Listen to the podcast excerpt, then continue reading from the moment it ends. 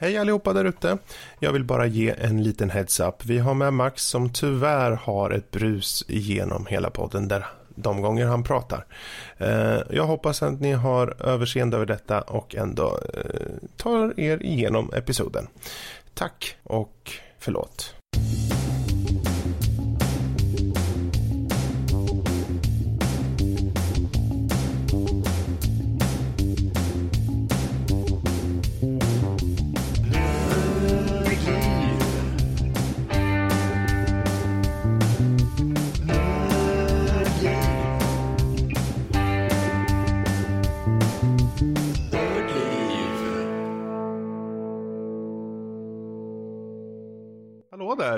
Välkommen till Nördliv, en podcast om spel och nörderi av alla de slag. Dagens datum är den andra i fjärde 2016 och det här är avsnitt 66. Jag heter Fredrik och med oss har vi Danny, Rob och eh, animekaraktären Max. Eh, hur står det till? Jo, det är bra. Hur är det själv? Alla det går och Ja. inte beklaga sig. Gisses. Ja, Hur är det att som- vara? Ja, det är rätt trevligt här. Världen är inte så full av grejer. Nej, den är inte det va? Är rätt platt. Ja, det är lite 2D-aktigt kan man säga. Ja, Ja. det är som man saknar en dimension ibland, men nej. Oh, yes. Någonting helt annat 2D-liknande, det är ju vår show. Eh, och idag innehåller den bland annat på spel i fokus, snack om Legend of Zelda, Link Between Worlds och även Quantum Break. Eh, och sedan kommer vi in på utmaningen där Danny kommer utmana någon och eh, vi kommer följa upp på Magica som Rob fick i en utmanings, eh, utmaning här för ett tag sedan. Sedan kommer vi gå vidare på lite spelnyheter angående bland annat Sony som eh, ska pyssla lite med mobilspel. Final Fantasy 15 ska vi snacka lite kring releasedatum och andra, andra nyheter och eh, lite angående Horizon, den här klienten som ska samla ihop andra spelklienter i ett. Veckans diskussion den här veckan är när är ett spel klart för dig och brukar ni varva spel? Och sen på övriga nördämnen så kommer vi gå in och snacka kring Batman vs Superman Dawn of Justice och det kan bli spoilers där men vi kommer säga till i god tid då. Och sedan även kommer vi ha lite first impressions på Rush Hour tv-serien och sen avsluta med att lyssna mig. Så ser det ut idag och vi hoppar väl in på spel i fokus. Så, vi tänkte, eller jag tänkte faktiskt ta tonen lite och snacka om ett litet spel som heter Legend of Zelda, A Link Between Worlds som jag spelat på 2DSen. Ja, du kan ju bara lite helt kort och gott ta lite grann om bakgrundshistorien kanske om spelet. Ja, alla som eh, känner till någonting känner väl till Zelda-serien antar jag. Så, men eh, du, du spelar som... Ja, du spelar som Link, eller i mitt fall Freddy. Och han ska ju då återställa fred i det här lilla söta eh, riket som heter Hyrule. Eh, och självklart så kommer en elak typ trollkarl som eh, heter Yuga, tror jag han hette. Och han kidnappar då självklart prin- prinsessan Zelda, återigen, tydligen. Jag har ju aldrig kört ett Zelda-spel, så lite därför eh, jag tog mig an det här. Um, eh, men hur som haver, den här Yuga han tar då Zelda och flyr till en annan dimension. Och den här dimensionen kommer du sen kunna ta dig i, till, för den heter Low Rule. Och eh, egentligen den här eh, elaka trollkarlen, hans slutmål är att väcka någon demonkung som heter Ganon. Jag vet inte, ni har säkert kört sådana här så ni vet väl att han har kanske varit med tidigare, jag vet inte. Eller så är han med varje gång han, eller? har varit, han har varit med många gånger tidigare. Ja. så. Vem? Han hette Ganon. Ganon? Nej. Han hette Ganon! Ganon? Han påminner lite om den där killen där som jag ser på Skype här som heter Max. Nej, gör Så där har du lite av storyn då. Kan du berätta lite grann om, om spelupplägget då? Alltså hur funkar spel, spelet i sig? Mm. Ehm, ja, det, det är ju ett, om man ser just till hur det är uppbyggt, det är ett top- top-down perspektiv i 3D framförallt. Och eh, det är väl egentligen, du har, eh, det är inte ett rollspel per se, men det är ju ett äventyr snarare. Det vill säga du eh, har en relativt öppen värld med sidequest och liknande, men då först och främst det här uppdraget egentligen att rädda prinsessan då. Och eh, du har tillhanda då pilbåge men även lite andra vapen och accessoarer som Fire Rod och Boomerang och Ice Rod, Sand Rod, Grappling Hook med mera. Och eh, jag tror just USPen med det här spelet är att man kan förvandlas till en väggmålning. Ja. Nej men bli inte en hamburgare nu Max. Jag vet Nu inte vad du förvandlas menar. han. Åh, det är tur att lyssnarna inte ser det här, för då skulle de ju, ja. Du, Det var per request från stream-chatten. Okej. Det var hamburgare. Gisses.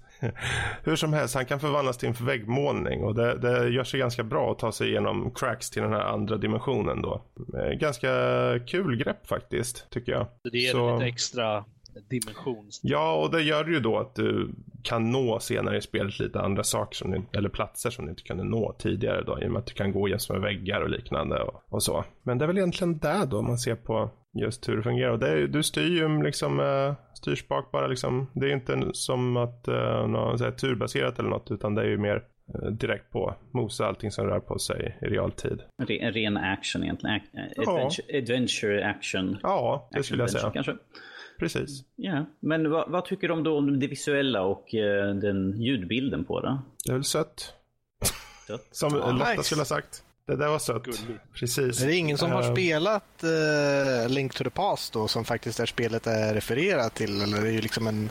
Det här är ju en efterföljare. Ja. Det är en efterföljare, en ren efterföljare till Link to the Past. Eh, men jag kan inte säga så mycket om det i och med att jag aldrig kört det här spelet. Men eh, Det, det har väl samma, de har väl gjort så att det ska se lika liknande ut, är det inte det? Gammal så här 2D? Är det inte Yes, det, det är ju så att det ska se ut som en direkt uppföljare bara till. Jag har för mig att det är baserat nästan i samma värld också. ja, det...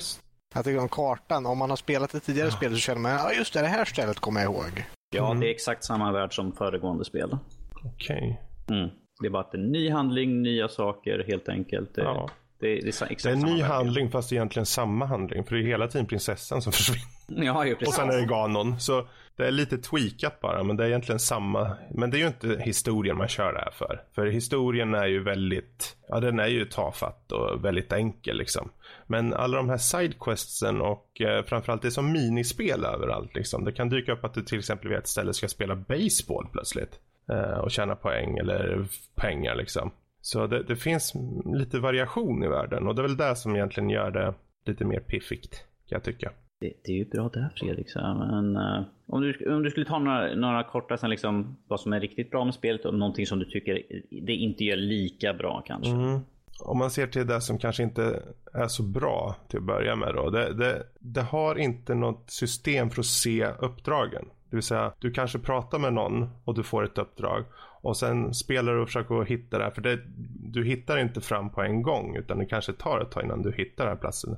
Men säg att jag tar en paus då. Och sen kommer tillbaka dagen efter. Då har inte jag någon koll alls. Och jag kanske inte ens kommer ihåg vem jag pratade med. Då får jag leta varenda jäkla gubbe tills jag hittar den liksom, dialogen. Vem var det Eh. jag pratade med igår? Hmm. Sen finns det ju, om man kommer en bit så kan man då träffa en eh, sierska som ger en hint. Så det, det är väl egentligen den shortcut man måste ta då varje gång.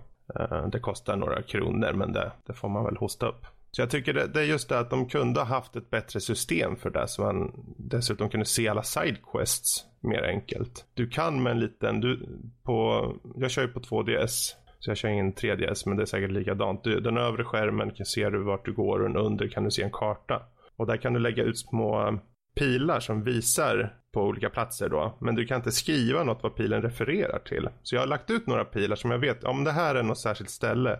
Men i och med att jag inte kan skriva vad det är sen, um, sen när jag springer runt. Ja men det är någonting, jag går in och kollar, ah, det var den här. Då var det nog nästa pil jag skulle gå till. Så det, det är synd att man inte customisar lite mer och satt in lite mer tydlighet i vart man skulle gå tycker jag. Och sen att det, det ses ju som en öppen värld men, värld, men du måste ta uppdragen i en specifik ordning annars kommer du inte vidare ibland. Och det är också en ganska stor setback tycker jag. Men Det, eh, det, är väl, det är väl ganska vanligt i, i ja, fast det är så tydligt här tycker jag. Ja, det, det, alltså, det är lite för, alltså, det är nästan så att det, det är störande på något sätt. Ja, jag tycker det i alla fall. För det är liksom, man tycker ju att, för de säger okej, du har sju stycken ställen du ska gå till. De visar bara på kartan, det är sju platser, du ska klara av de här ställena. Och det är där de säger. Så då går jag och kollar till ett ställe och de säger, nej du kan inte här. Nej. Går jag till ett annat ställe, nej du kan inte här.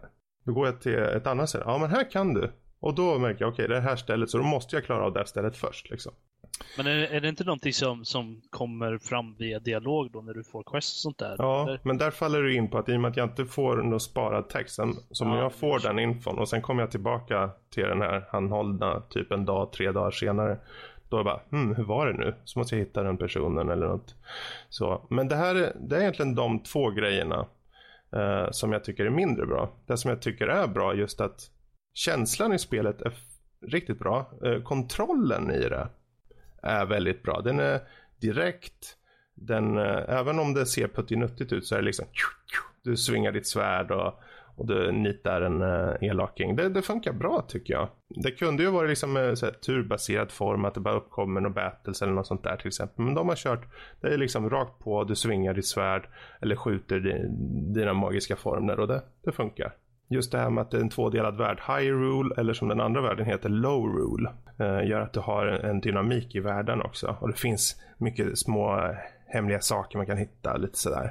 Så det är väl egentligen de, de bra grejerna där. Lite minispel, variera upp det och så. Uh, hur tror du på återspringningsvärdet? Nu har du inte spelat så himla långt, men tror att det kan mm. vara värt att gå tillbaka? För då har man ju då en liten, en liten översikt på att jag kan inte gå dit än och då tar jag kör hit bort på direkten. Så att... ja, det beror lite på vad man är för någon typ av spelare. För, för mig så, när jag klarar av det här, då är jag nog klar med det känner jag. Men jag kan nog se att det finns många som kanske vill köra om det. Eh, just för att det här med att man kanske vill undersöka lite extra noga och så. Det är ju inte någon superstor värld ändå. Så det finns, det finns en lite större chans att man faktiskt hittar allting. Så Men, du, tänker, du tänker inte göra en Danny och titta på allt som finns i hela världen? Alltså. Jag tänkte precis säga det. Ja. Nej, jag tror inte det. Utan uh, jag vill se, jag vill ju köra spelet, upptäcka så där jag upptäcker liksom rent organiskt. Och sen bara ta mig till slutet och se vad som händer. Och jag brukar ta det som en måttstock och det kommer vi kanske in på senare under veckans diskussion. Men om spelet är bra nog i gameplay så får det mig oftast mer sugen att köra om det. Om det kanske har varit eh, okej okay bara eller så, då kanske jag ofta ser vidare till nästa spel.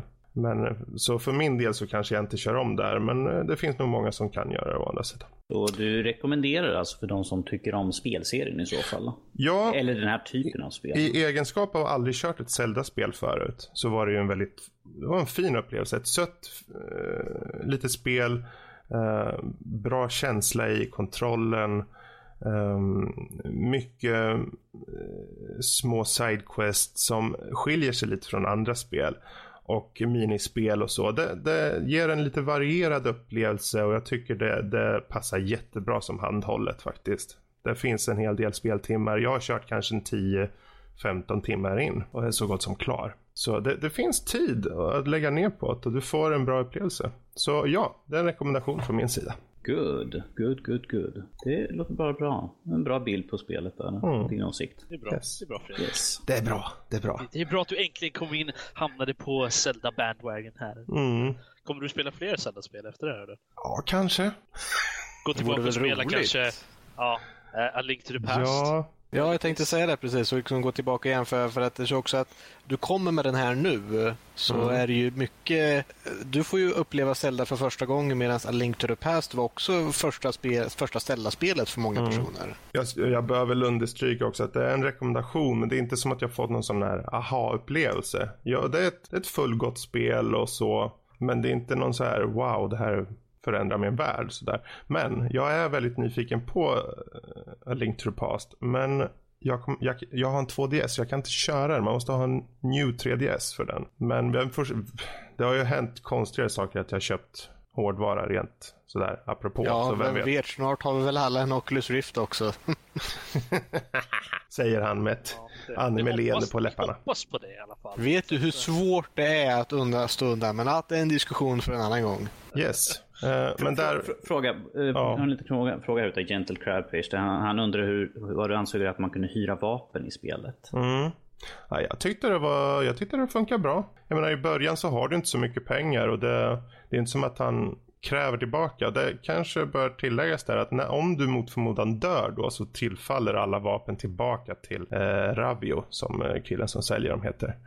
Och då får du helt enkelt lunka ända vägen, eh, hela vägen till honom och köpa tillbaka dem eller hyra tillbaka dem då. Om du då har pengar nog att köpa de här, då även om du dör så har du kvar dem i ditt inventory. Eh, och jag märkte ett par gånger när vi när jag strykt med liksom, att eh, då kan det vara skönt att börja från den dungeons. För ofta så är det inte som att du börjar precis innan bossen, utan du börjar såklart när du kommer in på nivån. Får lösa alla pussel igen och gå igenom alla vägar och ner ända dit och ända upp hit och dit och fram och tillbaka. Och sen träffa bossen och så dör du igen. Då är det lite surt. Men eh, det funkar. Det är ju som sagt inte någon superstor värld så det, det funkar ganska smidigt tycker jag. Och räntingsystemet. Suveränt. Gött, gött, gött. Bra. Men eh, där får runda av eh, Zelda-spelet. Zelda-spelet. Och så hoppar vi över till ett litet annat spel som heter Quantum Break som vi fick här i veckan att lira. Och eh, jag kan bara säga lite kort. Det är ett tredjepersons actionäventyr kan man säga. Eh, du spelar då en snubbe som heter Jack Joyce. Eh, han hamnar i lite av ett tidsreseexperiment med en gammal polare som heter Paul Serene. Och eh, det här går ju självklart fel. Väldigt fel. Tiden i sig själv börjar brytas ner och det är upp till dig liksom att fixa i ordning allt det här. Så där har vi egentligen premissen då. Yes, men det, som, det som är riktigt nyfiket är liksom gameplayet sig. De här nya, nya funktionerna som de har slängt in med tiden och allt sånt där. Hur, mm. hur fungerar det? Du kan ju berätta lite kort om det. För det är jag väldigt nyfiken på. Ja, skillsen i sig. Mm. Du har ju ett par olika skills som du får allt eftersom. Och egentligen, jag, jag tar inte alla. Jag vill att folk ska liksom upptäcka någon av de här själv. Ta, liksom. ta bara, ta bara Men, the, eh, the, basic helt enkelt. Mm, vi har en som heter Time Rush. Och det är egentligen att du kan i princip spåna dig fram. Liksom. Du kan liksom teleportera dig nästan fram till en annan snubbe och eh, slå ner dem i en jävligt skön melee-attack. Um, ehm, och sen har vi Time Dodge. Och det är egentligen att du bara förflyttar dig extremt snabbt. Så att allting går i ultra så här, långsamt, ultra rapid för de andra. Och sen har vi Time Blast. Där man skjuter iväg en slags tidsprojektil. Det blir som en bubbla. Du skjuter iväg, byggs upp och alla gubbar där du har siktat de bara flyger åt helskotta. Om det inte är några supergubbar då. Eh, och sen har du även då Time Shield. Och det är egentligen en stor sköld som läggs runt om dig då som, som reflekterar kulor och attacker och liknande. Och det är väl egentligen de då, de främsta. Det är inte jättemånga, det kanske är någon till bara. Så det är inte så många fler än det. Men man kan uppgradera dem i två, tre steg per eh, skill då. Får de nya grejer eller blir de bara starkare då? Alltså blir, blir det en modification på? Det blir mer av en modification som att det kan vara ett omfång eller det kan vara eh, tidsspanns eh, liksom som att det kanske håller längre och så. Det blir inte som att du på till exempel när du ska time rusha att du springer fram och att du slår kanske hårdare men det kanske blir att du kan göra, du gör melee och sen kan du göra en multiple attack takedown till exempel. Du kan, du kan chaina attacker emellan. Alltså. Ja, du kan ju, ja, men ett visst antal då. Ja, så jag nej, tror högst är tre. Alltså. Ja, precis. Okay, ja. Jag gillar sånt när de har att det, inte, att det blir att de utvecklar skills mm. snarare än att, att de bara blir starkare. Ja. De är ju ganska, de är ju ganska enkla. Det är ju inte som att det är så jättemånga som sagt. Det kanske är sex totalt. Men det, mycket i det här spelet är ju fokuset på storyn framförallt tycker jag. Eh, de har ju eh, smält samman spelet med tv-serien kan man säga på fyra avsnitt. Ehm, så det kommer under de här övergångsakterna eh, så kommer det som tv-serieavsnitt som man kan se. Och de baseras helt utifrån de val du gör. För du tar över vid vissa specifika tillfällen den här andra killen som heter Paul Serene. Och han, han kan se in i framtiden. Och då har du möjligheten att välja två olika outcomes, så att säga, med honom. Och det har, gör du då ett par gånger i, i, eh, i spelet. Så att det blir olika liksom. Och hela tiden snirklar fram. Så det, det är lite kul. Så vi har en precog och en tidsförflyttare helt enkelt. En, som kan ändra ja, manipulatör. Precis. Okej, det är ju också en kombo att köra på. Mm, eh, mm. Jag, jag, är lite nyfiken. Det här, det här, är ju utav de som gjorde Alan Wake och de hela gamla mm. spelen. Så hur, hur, känns det som att det är den, att det är de som har gjort För att de har ju väldigt ja. en speciell stil om vi säger så på hur, ja. design på allting. Remedys stil har alltid yes. varit det här cinematiska hållet. Att det ska kännas lite mer som, som en, en Lite, inte som en riktig film, men det ska kännas som att du är med i en verklig story om vi säger så. Och eh, det, om, man sitter, om man tittar på gameplay, hur man fungerar som karaktär och hur det eh, liksom vinklar och sånt. De har, när du är i strid, då har de den här uh, lite dead space uh, vinkeln. Det vill säga du har från höger sida kameran och så står karaktären på vänster sida av skärmen. Om ni förstår vad jag menar. Ehm, uh, Medan när du bara undersöker miljöer, när det finns pusselelement en hel del i, i spelet, då är det ren tredjepersons. Det vill säga du, du är centrerad i mitten av skärmen. Det här tycker jag är lite synd att de har gjort. De skulle ha tredje persons perspektiv enbart, alltså där när du är centrerad i skärmen. För det blir ganska rörigt ibland och eh, jag personligen tycker att ha det här Dead Space-vyn eh, är ganska rutten ärligt talat. Det, man missar mycket på vänster sida, du blockerar saker som står där. Det är snyggt, men jag tycker inte om funktionen av det. Så när de går över till rent tredje person så är det alltid lite bättre. Men det finns en hel del pussel så det, det är, ganska, det är ganska ofta det blir så i tredje person. Eh, Fredrik, eh, du kan ju kanske säga vilken, vad du spelar på för någonting och jag fick frågan här nu från Jenny Trafish. Mm. Hur, hur är optimiseringen på spelet? Ja, det var en bra fråga faktiskt. För eh, Till att börja med så är det Xbox One. Mm. Eh, jag har inte Windows 10, vilket är den enda andra plattformen det går att köra på. Eh, optimeringen. Här behöver de ju fixa en hel del. Spelet har kraschat två gånger på Xboxen. Och eh, det är ju faktiskt någonting som varit lite så här mysko. Sen har det varit, det här, det har ju en hel del likheter med Assassin's Creed. Det här med att du ska springa upp på objekt, hoppa upp och den ska ta i, i kanten på saker och ta sig vidare, hoppa vidare och så vidare. Det har hänt ett antal gånger när han har bara stått och inte fattat att han ska ta tag i eh, kanter på saker och ting. Så optimeringen behöver dras åt ännu mer om vi säger så. Det, det finns mycket buggar i det. Väldigt mycket buggar. Och eh, där har du svaret på det i alla fall. Men det är ju så att du kör ju på en pre-release version, gör du inte det? Eller att det... Den... Ja, nej. Den här är ju egentligen den bilden som kommer ut. Men däremot så kan de ju ha en day one patch. Ja, precis. Det har jag ingen koll på om det kommer någon sådan. Om vi säger så här troligtvis. Precis. Mm. Om, om, vi säger så här, det, det, är ju väldigt sällan som ett spel släpps egentligen utan att komma Day One Patch. Så det som Fredrik har spelat är ju det som, uh, har, som har recensionskod innan ju nu. Så att uh, det är ju klart att det kommer fixas och optimeras desto bättre. Det, det, är ju bara att man helt enkelt får förvänta sig det här. Vi får se vad som händer efter release helt enkelt. Om, vi, om, vi, kanske, om Fredrik kanske ska gå tillbaka och, och kolla och se om man fortfarande... Precis. Det tycker jag också. Så kan vi få en klar, se ifall det är en klar skillnad på det som du har ifall de har tagit bort de här så att det kraschar eller mm. de här med AI helt enkelt. Ja. Inte och jag har ju också, jag har ju medvetet också försökt att förbisett, nu nämner jag det.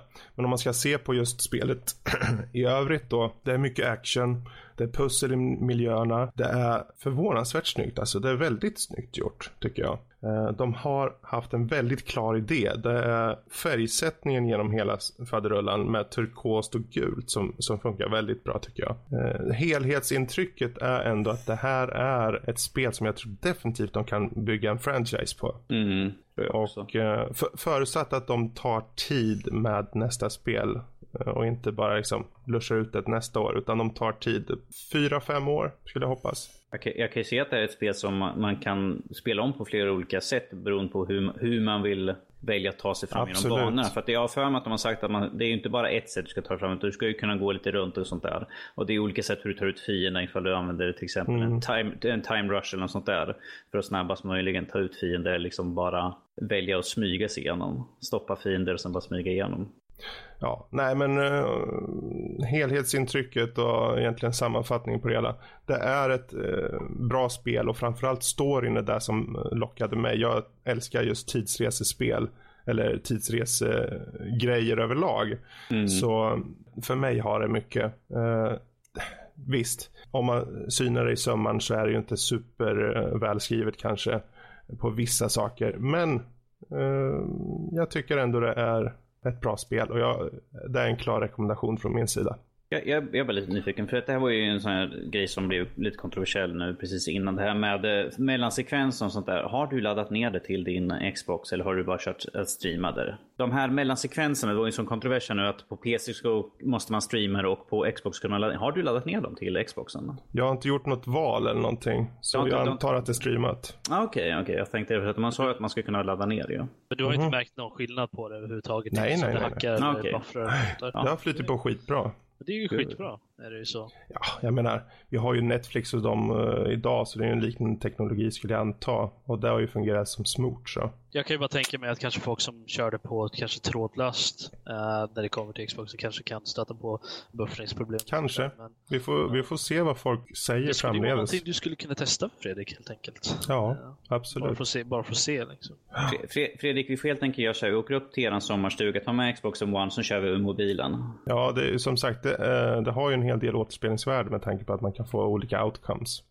Så definitivt. Bra. Men eh, där eh, rundar vi av Quantum Break. Är det så att ni vill veta lite mer ingående angående Quantum Break så kommer vi komma med en skriftlig eh, recension på det här på vår hemsida inom inte för allt för snar framtid då. Eh, så håll utkik på www.nordlivpodcast.se. Så, Eh, vi rundar av spel i fokus och hoppar vidare till utmaningen. Och i utmaningen så utmanar vi varandra på olika spel. Dels för att skapa lite underhållning för er som lyssnar, men det är egentligen framförallt för att vi själva ska bredda oss, få lite roliga samtalsämnen och vem vet, kanske upptäcker vi något nytt. Och den här veckan så är det faktiskt om vi tittar på själva utmaningen så är det Danny som ska eh, utmana någon. Om yes. vi kollar där, vad, vem är det du ska utmana till att börja med då? Jag har tänkt, det här är ett spel som jag har pratat tidigare och eh, jag tror säkert någon av er har listat ut att jag kommer utmana någon på det. Eh. Vem är du utmanare? Det är dig Fredrik. Mm. Och eh, du, har, du har säkert redan kollat in det här spelet lite grann, men det är Shadowrun originalet på Super Nintendo. Yes. För att det här är, som sagt, det här är ett, med absolut genom tiderna favoritspel. Det här är ett spel som jag spelar hur många gånger som helst uh, och försökt maxa ut karaktär och mina skills och sånt där. Uh, och jag har ju kört uh, de, de, nya spelen också. Uh, jag tycker de är inte är lika bra som originalet, men så är det ju ibland. Men att det här är ett spel, vi har varit, vi, vi har varit inne på en liten här face med uh, lite äldre spel och sånt där och tänkte Super Nintendo. Jag blev utmanad på ett Nintendo-spel i förra veckan av Lotta ju, Kirby's mm. Adventure, så jag tar ett, ett steg framåt, tar Super Nintendo. Why not? Så jag hoppas att du... Det, det ska bli intressant. Det ska jag, bli intressant. Jag, jag, har mycket att säga om det sen när du kommer. Och ifall du, du säger någonting att jag tycker inte om det här spelet kommer jag köra över det som en omvält. ja, det får du försöka. Ja, ja. Um, vad kul! Då blir det alltså jag då som nästa vecka kommer utmana någon på uh, något roligt spel. Och, ja, inte jag, inte jag. Förmodligen Rob. Eh, för ni sa ni så. och nästa vecka kommer vi då också få höra Karl när han har sin utmaningsuppföljning angående Startopia. Och då angående just utmaningsuppföljning så hoppar vi in på den här veckans utmaningsuppföljning. Där vi då följer upp på Rob som fick en utmaning att köra Magica. Så, Rob. Yes. Uh, take it ja, away. Vi kan ju ta, vad fan gjorde jag av mina noteringar? Behöver uh, inte dem, vi, vi, kör, vi kör liksom from the mind på dräkten här. Uh, ja, nej det gör vi inte. Uh, alltså, Magic är alltså isometriskt top-down action, komedi, äventyr. Jag vet jag, jag har jättesvårt att, att, att riktigt sätta det in i en genre ordentligt, men det är typ det som stod på Wikipedia, så det, jag gick efter det. Uh, mm. Man spelar som en, en wizard, eller, eller flera då. Uh, som skickas ut på ett uppdrag att spöa en gammal lilla trollkarl. Uh, större delen av spelet är skämt, referenser till film, spel, musik, böcker och etc. Eh, och det är mer fokus på eh, humor och, och magin och, och gameplay där än vad det är på storyn. Så att det är inte mycket mer att säga där egentligen. Eh, men eh, om, vi, om vi tar och kollar på, på just gameplay då och hur spelet är. Yes, få höra så, nu. Nu ska det bli intressant. Alltså man rör sig runt i världen genom att hålla in en vänster musknapp och, och riktar då mus, muspekaren uh, i den riktning man vill gå. Alltså det är extremt jobbigt. Uh, jag, jag kände i alla fall, så fort jag satte mig med det så tyckte jag uh, det här var ett väldigt jobbigt sätt att, att, uh, att spela på. Och det, man blir lätt, lätt väldigt trött i, i pekfingret när man håller på att springa kring och ska, ska dra musen. Men men trots det så vänjer man sig faktiskt efter ett tag. Så att man, det, det, blir, det är fortfarande jobbigt, men det är inte lika jobbigt efter en stund. Får in det i rörel, rörelseminne, liksom klick, klick, klick, klick. Ja, bra, så jag hade, önskat, jag hade önskat att man, att man hade kunnat använda piltangenterna istället, men mm -hmm. uh, sånt är livet. Uh, när det kommer till combat, då, vilket är en ganska stor bit av spelet, uh, så har man åtta element som primärt då det är vatten, liv, sköld, isblixt, arcane, jord och eld. Man kombinerar då, de här då för att få göra nya attacker, eller olika attacker som arcane är alltså en, en, en beam. Är det. Och Eh, man kan kombinera den med till exempel eld för att få en, en firebeam istället. Eh, och den, gör, den ger då en, en eldattack. Då. Uh, de, alla de här elementen finns då på, på runt eh, uh, WASD-knapparna där det är åtta stycken. Så att, man får, även fast man rör sig runt med, pilta, med musen så, så sitter man ändå som vanligt med, med rest, de andra fingrarna runt WAST. Så att, det, är inte, det är inte allt för konstigt.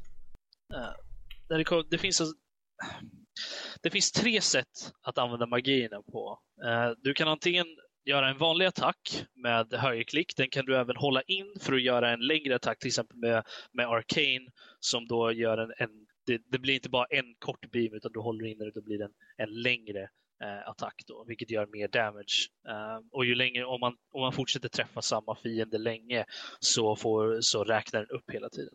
Uh, och ja, som någon i chatten säger, att man kan faktiskt kombinera sina attacker med andra spelare också, till exempel när det kommer till beam. Så uh, om man kombinerar den med en annan spelares beam så blir den uh, mycket, mycket kraftfullare. Och man får en achievement som heter Don't cross the streams, vilket är en, en rolig referens. Eh, men vad jag förstår av Robert så är du inte bra på att kombinera med andra utan du tar bara skjuter ner andra i ryggen vanligtvis. Uh, ja, jag, jag, kommer till det alldeles strax. Uh, en annan attack är att om man håller in i skift och högerklickar så gör man en area of effect attack. Typ som en stor eldgrej eller om man, man spräcker marken runt omkring sig med earth till exempel.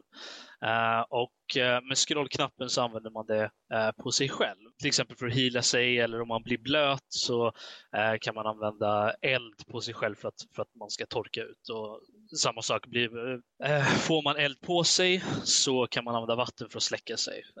Det här är ganska viktigt att hålla reda på egentligen för att när det kommer till det, det, du kan få olika saker på dig. Så att om, det blir, om du får vatten på dig så kan du inte använda blixt för då tar du skada. Så då måste man använda eld för att, för att torka ut sig. Man kan även attackera med ett, med ett svärd som man håller. Som man har då. Man håller in i skift och vänsterklickar då. Men uh, man kan inte röra sig runt när man gör det.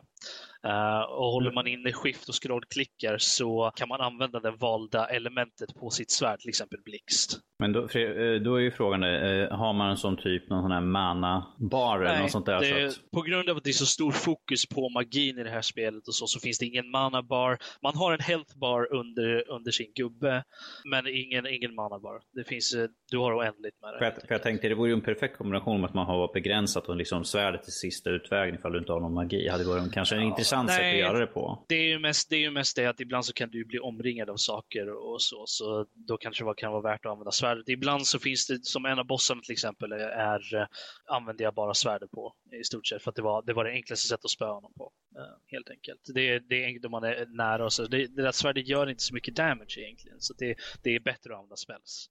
Eh, eller sina element. Då. Och på tal om spells, då, det, det finns spelsen i spelet kallas för magics och det är en det är en viss kombination av element som man trycker in då. Uh, jag, tror, jag kommer inte ihåg det. Jag tror det är blixt, arcane och blixt till exempel ger, gör att man teleporterar sig. Uh, och uh, man, skriver, man trycker helt enkelt in dem då och sen trycker man på space för att aktivera, aktivera dem. För gör du, använder du högerknappen för att attackera istället så får du ju vanlig attack med de elementen istället. Man har inte så många i början. Jag tror man får typ en till att börja med. Och sånt där. Och sen så, men man kan hitta dem under spelet och man får vissa via story-elementen också. Och ja, det, det, finns en som heter Crash Desktop. Jag kommer fan inte ihåg vad den gör nu, för jag använder den typ en gång och sen inte igen. Jag tror den dödar den faktiskt. Jag tror det det är self-death helt enkelt. Men så det, det, finns en hel chunk av dem och vissa är mer kraftfulla som en som heter Light, jag tror den heter uh, Lightning Bolt, vilken var min favorit. Den är lite komplicerad att skriva in men jag har varit väldigt bra på att använda den till slutet. Eh, och den är så, ger så, typ över 9000 damage på, på monster och sånt där. Så kan man knappa in den riktigt fort så, så, kan man träffa, så kan man ta ner även bossar extremt fort. Däremot så har, spelar man med andra spelare så kan det ha en tendens att äh, träffa dem äh, och insta-döda dem. Uh, vilket, ja, är inte så jättebra direkt. Men det är sånt som händer. Men här är alltså själva gameplay, hur det fungerar och så. Hur flyter spelet på i övrigt då? Alltså det, det är inte, det, det, du har inga problem egentligen med att röra dig runt eller så, utan det, det kan bli lite så att du fastnar på vissa ställen och uh, uh, du har ju vissa fighter och sånt kan vara extremt, extremt svåra. För spelet mm. är väldigt, väldigt svårt. Speciellt om man spelar själv. Det, det, är inte, det är inte ett lätt spel i alla fall. Utan det, det är ju gjort att man ska spela flera stycken helt enkelt. Ja, okay. Men när man kör flera då är det lättare liksom? Eller? ja, det, det, är ju en, det är en, en, det är frågan det egentligen. För att du kan ju vara upp till fyra spelare kan det vara. Men det gör det inte nödvändigtvis enklare. Uh, som sagt, med Lightning Bolt, jag, kan, jag, jag spelade med Karl, gjorde jag. Han, jag behövde hans hjälp för att spöa uh, några bossarna och lite sånt där. Och uh, jag vet inte hur många gånger vi dödade varandra med alla mm. attacker och sånt där. Alltså det, var, det, alltså det, det var ju humoristiskt i det hela bara för att man kunde inte styra de här jävla attackerna ordentligt. Och till slut var det liksom bara, okej, okay, vi dog för att vi inte insåg att den andra personen var död till exempel. Och sådana så, saker. Så, så Robert, du försöker säga att det var en olycka som hände? Mm. Ja, men Just som an sagt, accident. Men som sagt, vi var ju mm. bara två stycken och det var ju, det var ju relativt enkelt. Liksom. Speciellt när det kommer till bossfighter eller, eller ett svårare ställen. Då kan en person leka bait medan den andra faktiskt kan göra, göra damage. Uh, men eftersom man kan vara upp till fyra stycken så kan jag bara tänka mig det kaoset som skulle uppstå om man är, mm. är, så många. Mm. Finns det någon eh, story i det här då? Som, uh, som ja, löper igenom? Storyn en liten kort alltså, premiss. Alltså storyn är egentligen stort sett meningslös. Okay. den, alltså, den, är, alltså den, den, är egentligen bara där för att pusha spelaren vidare till ja. nästa screen, egentligen, till nästa moment. Man, man skickas på ett humoröst sätt eh, ut för att ta hand om en gammal trollkarl som vill förstöra världen så kliché det kan bli. Eh, jag menar, inga karaktärer eh, förutom Not a Vampire Vlad eh, sticker egentligen ut. Han är den enda som man interagerar med egentligen. Det är också han som är berättaren till, till storyn. Ja, det finns i stort sett inga andra karaktärer. Man, alla NPCs har namn, men det hjälper inte riktigt direkt. Jag menar, spelet bygger egentligen bara på referenser till annan media, vilket mm. är väldigt roligt och fungerar bra som ett substitut för storyn, tycker jag mm. i alla mm. fall. Det skulle inte fungera i vilket spel som helst, men på något sätt så fungerar det här i Magica.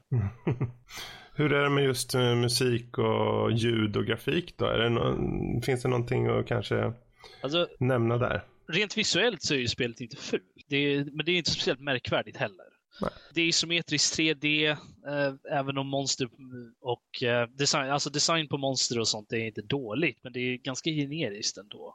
Mm. Uh, men jag tror, jag tror nog att det är meningen i det här spelet på grund av att det är så fullt av referenser och, och så. Uh, jag menar, detsamma gäller musiken, det är inget märkvärdigt, det är väldigt standard äventyrsmusik. Mm. Uh, så det, det, är inte mycket att prata om egentligen. Men det roligaste med spelet är ju alltså språket som de, som de använder. Mm. Jag menar, all text är ju på engelska. Jag tror man kanske kan, det finns ju andra språkval också tror jag, men texten är ju så att du kan läsa den. Men allting har ju full voice acting. Alla NPCs och sånt har voice acting. Men språket som används av dem är uh, uh, ja, det är unikt om man ska okay. vara, om man ska uh, milt sagt i alla fall.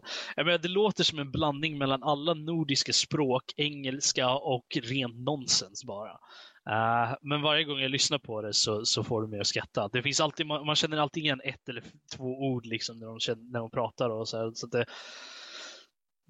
det är ju väldigt unikt och väldigt roligt. Så det, återigen så passar det ju väldigt bra. Mm. Hur ser det just med återspelningsvärde då uh, på det här spelet? Alltså jag tog mig igenom spelet på, med lite hjälp på tio timmar. Mm. Är man fyra pers så går det säkert klara snabbare. Men ja, möjligtvis inte. Uh, mm. Men det är okej. Okay. Jag, alltså jag tror nog att jag skulle kunna tänka mig att spela igenom spelet. Uh, spela igen. Fast då vill jag nog ha ytterligare tre pers att spela mm. med. Men det är nog kanske mest bara för att se hur mycket kaos som skulle uppstå egentligen. Du menar hur många du kan råka mörda av misstag? Ja men vad kul. Men om, då, om du kör en liten summering då, lite pros, lite cons och lite avslut. Alltså allt, allt som allt så tycker jag Magica är ett, ett relativt unikt spel. Uh, men det är nog mest för hur man använder magin och så. Jag har aldrig sett ett spel tidigare som, där man faktiskt kombinerar element för att göra nya spel så fritt som man kan göra i det här spelet ändå. Och uh, sen även för hur mycket humor är i spelet. Mm. Alltså alla, alla referenser, känner man igen dem så är det liksom, ah, det är där. Jag menar, mycket av det är ju throwaway i, i bakgrunden som när man stöter på Highlander, liksom, han bara står där, man kan inte göra någonting med honom direkt. Men det, det är sånt som är.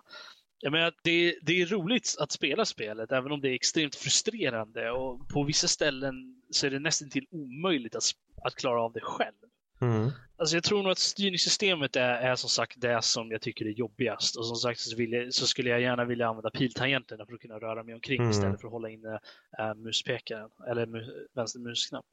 Mm. Men äh, det, det är ett frustrerande kul spel. om man ska beskriva det på det sättet. Och äh, jag tycker nog att det är bäst um, om man har ett, ett gäng polare med. Finns det här enbart till Steam? Uh, uh, så vitt jag har sett så finns det bara på Steam. Det har en miljon jävla DLC. Men basspelet, jag kollade upp det, det kostar 999 mm. euro på, på Steam just nu. Betalar man 2999 så får man ett fyra pack som man kan ha sina polare med. Mm. men med all DLC så kostar det 39,99 och då är det bara en kopia av vad spelet. Mm. Så att det, det är helt jävla insane med det. Okay. Uh, men jag, jag, skulle, jag skulle rekommendera spelet i alla fall. Mm. Definitivt. Mm. Uh, jag tror inte det är för alla. Uh, definitivt. Det tror jag inte. Uh, som sagt, det är rätt svårt om man spelar själv. Fungerar bäst om man spelar i en grupp. Mm. har man ett gäng vänner som man vill tortera i ett uh, humorövertyg eller skjuta, bara skjuta sönder saker med magiprojektiler så, så är det väl värt att plocka upp helt enkelt. Ja, vad kul. Men där har vi det alltså då Magica som eh, Rob fick ta sig an. Eh, och eh, ja, än en gång nästa vecka kommer jag utmana någon på ett roligt spel och vi kommer följa upp då på Startopia som Karl fick till sig att spela. Och är det så att ni där ute har några spelförslag till oss här som ni jättegärna vill att vi ska eh, kanske slänga med in the mix. Maila in till oss på info nordlivpodcast.se. Bra. Men där rundar vi av uh, utmaningsuppföljningen och hoppar vidare till spelnyheter. Så Danny, det har hänt lite grejer i veckan och vi har några nyheter som vi, vi tänkte diskutera och bubbla om. Precis. Vad? Eh, vi kan ju börja med uh, en av dem med väldigt mycket innehåll. Det är ju Final Fantasy 15. Uh, vi hade ju, Square Enix hade ju en liten uppvisning här nu i veckan där de visar upp lite grann om när och var och hur. Och samtidigt med det så kom det ut ett demo på direkten vilket vi har testat eh, redan och eh, kommer väl framöver få en, få en liten, lite hur vi ser på det hela. Eh, och eh, man fick releasedatumet här, nu ska jag bara scrolla ner. 30 september är det det släpps. Eh, jag, tycker, jag tycker det ser riktigt, riktigt snyggt ut och det verkar riktigt intressant. Och det här demot som de släppte är ju precis som eh, PT. Det är rätt eh, sist jag nämnde Så det är liksom att eh, demot har ingenting med spelet Det är som en, en egen insluten eh, story. Det har ingenting med fortsatta spelet att göra. Det är bara för det är som ett tech-demo helt enkelt. Så här flyter spelet på. Tycker jag är rätt intressant. Men samtidigt utannonserar de också att det kommer vara en anime-serie som hör till spelet. Det kommer vara som en prequel som man ska kunna se innan man börjar spelet. Så man får lite bakgrundshistoria i fyra delar om jag inte missminner mig helt fel. Ehm, så det tycker jag är kul. Det är väldigt många grejer som har börjat egentligen med att ha någon sån här tv-serie eller något annat liknande vid sidan av. Vi har ju uh, Halo till exempel. Har vi, de har ju haft eh, tv-serie till fyran tror jag och uh, inför femman var det också de hade. Uh, och så, oh, det, det är sen sci-fi Moba-spel som också har en tv-serie. Jag kommer inte ihåg vad det heter just nu. Eh, samtidigt så utannonserar de också att det blir en eh, Final Fantasy 15 långfilm. Det, de kör hårt, de försöker toppa Fallout 4 här just nu med allt som komma skall. Och bland röstskådespelarna ska vi ha till exempel Sean Bean, kommer han dö? Vem vet? Eh, det är hans vanligaste roll och Lena Headley också. Utöver det så utannonserar de också ett, ett, ett, ett mobilspel också. Eh, som kommer vara någon, någon typ av fightingspel med olika bossar och monster från hela den stora Final Fantasy-serien också.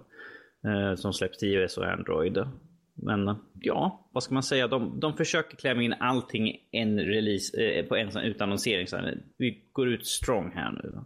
Och jag tror att den skulle släppas i september också, det mobilspelet. Mycket där med Final Fantasy. Uh, kan mm. ta, ta, lite kort. Uh, vi, vi testade ju lite grann på demot igår. Eh, både jag och Robert sa att det, det kändes väldigt i fighting-stilen på uh, Kingdom Hearts. Minus att, förutom att man inte hade några spel. Men att det, till stilen så påminner det väldigt mycket till skillnad från Final Fantasy 13s uh, fighting-stil.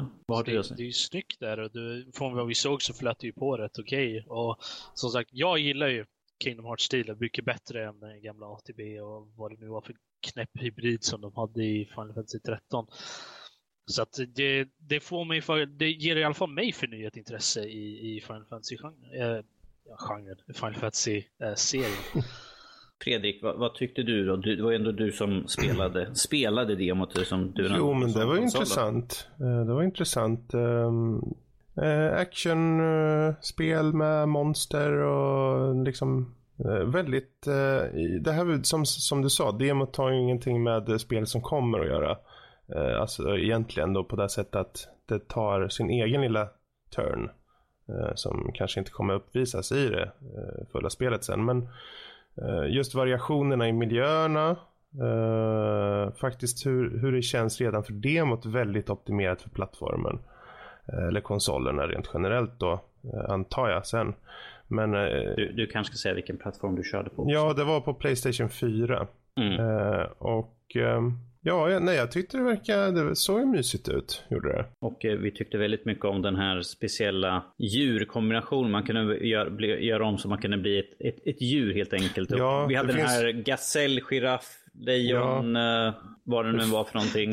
Det fanns ju sådana här uh, pressure plates. När man går på dem så, uh, vissa av dem så förvandlades man då till uh, lite så här hittepådjur. Så här härliga blandningar av djur som ni säger där. Uh, alltså jag tyckte jag, det var coolt. Jag undrade när jag satt och körde, jag undrade vad, om, uh, vad de gör, va, varför det är så. Jag tänkte om det var någonting i storyn sen eller Fast det kan ju vara att de bara testar tekniken å andra sidan. För alltså jag, det, min, verkar min inte fråga... finnas någon tanke tyckte jag med. Min fråga runt den var ju huruvida de faktiskt har gjort de här kombinationerna Eh, redan innan eller om det faktiskt är någon form av random gen uppsättning helt enkelt för att eh, slumpa fram nya djur eller på något sätt. Man kan ju spela om det igen då, så det märker man ju. Så, nej, det, det verkar väl okej. Okay. Uh, jag tyckte väl inte att uh, stridssystemet var så märkvärdigt. Det var liksom, du lockar på någon och så buttonmarschar du uh, i princip. Men det här är ju demo. Det är ju egentligen för att visa upp mer och få lite mer, mer intresse framförallt. Så, och det har de fixat. Final Fantasy 15 demot. One button mashing. Eskavant. Mm. typ. Mashing typ. one button at a time. Precis. Ja, men det, jag tycker att det såg väldigt intressant ut dock. Uh, vad går vi vidare på en fler nyheter? Jo, vi går vidare här med lite, lite Sony-nyheter. Uh, Sony gick ut med här i, vad blir det nu? För förra veckan, borde vara rätt, fjärde. Och utan att se att de ska öppna upp en, eh, en ny studio som heter Forwardworks som bara ska pyssla med mobil, mobilspel. Och det är då på den asiatiska marknaden. Eh, jag ser det som att de, de ser att det är, det är en stor marknad och jag ser den ännu större. Här kanske inte lika stor, stor än så länge och då tänker de varför inte öppna upp en studio och bara fokusera på mobilspel. Eh, det är ju det är ju ett bra smart sätt. De försöker branscha ut sig och de vet ju att det finns ju väldigt mycket att hitta där. Mycket folk som vill ha mobilspel. Det är ju bara populärare och populärare hela tiden. Snart är ju konsol och PC liksom, det är liksom last gen. Det är mobil som gäller snart. Eller vad tror ni? Max, jag vad tror du? bara på japanska. Okej. Okay. Uh, Max, vad tror, vad, vi har frågat Max. Max, vad tror du? Mobilspelmarknaden, Sony tar liksom, går hårt ut på mobilmarknaden i, i Asien. Hit eller? Ja. Det är väl okej. Okay. Tack Max. Och nu över till de andra.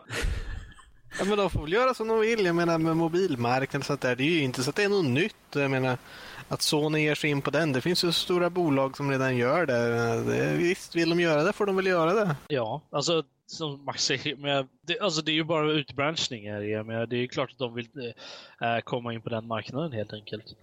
Ja, det är väl inte så att de, de tar från annan del av Sony som de kommer tappa nu på grund av det här? Nej. Det blir, det blir inget Final Fantasy 15. Det blir mobilspel istället. Ja. Ja, det blir, det blir att vi får vänta i typ fyra år på alla spel. Så när, mm. bara, hmm, när kommer de hit ja. till väst? Ja, men de har väl sett, jag menar om man tittar på andra mobilspelsutvecklare så är det ju de som ligger egentligen i bräschen på att tjäna mycket, mycket, mycket pengar. I jämförelse med de stora liksom, franchiserna så är det ju Alltså på PC och konsol så tjänar ju mobilspelen enormt mycket mer. Eh, och självklart så finns det ju en stark grund för Sony att faktiskt skapa någonting där och tjäna väldigt mycket mer pengar. Och de har ju så, så många stora IPn som de kan bygga ja, på egentligen. Det är liksom... De skulle egentligen kunna skapa spin-offer och tjäna väldigt bra pengar på det. Mm. Sen är det ju synd om de mot förmodan skulle göra det om de tar en känd franchise, gör en spin-off och slänger in det här klassiska mobilspelsupplägget med att liksom pay to win och liknande. Eh, folk kommer spotta den där spelfranchisen franchisen i ansiktet känns det som då. Liksom. Oh, går det långsamt i spelet? Men betala en krona så tar vi öka mm. på farten lite grann. De har ju gett ut mobilspel tidigare. Jag menar Kingdom Hearts har de ju gett ut till... Uh, nej, det, jo, men det är väl de också har gjort det. Men uh, det, det, finns ju andra mobilspel som de har gjort tidigare i alla fall. Och, men de har väl de märkt, har väl märkt att de har väl sålt relativt bra också? Eller? Alltså, nu, nu är det med att de öppnar upp en hel studio bara för att Jo, men jag menar på, att det här är, ju samma bara sak. En hade de, de hade ju att de startade upp en hel studio bara för VR också ju. Så. Det är ju det är väldigt mycket så här att de satsar hårt i alla de här nu. Att det här är de nya grejerna. Mobil har ju funnits som du sa väldigt länge. Men att nu tar de ju hårdsatsar med en hel studio enbart. Och i, bara i Asien just nu. Får vi se som sagt när de branschar ut och kommer hit bort.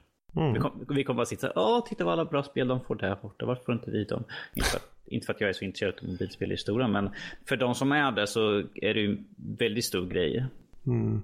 Fast jag tror marknaden för, för mobilspelare, alltså mobilspelare i sig, det är inte de som sitter och väntar på om tänk om det här spelet kommer. Det är mer, det är casual, det är folk som kanske inte är gamers på, på det sättet vi är gamers. Eh, utan de som hoppar in i ja, App Store, tar en titt, här är ett spel, där tar jag ner. Det är liksom inte någon eftertanke. Det är inte som att de sitter, åh, Sony ska släppa spel, vi måste hålla utkik.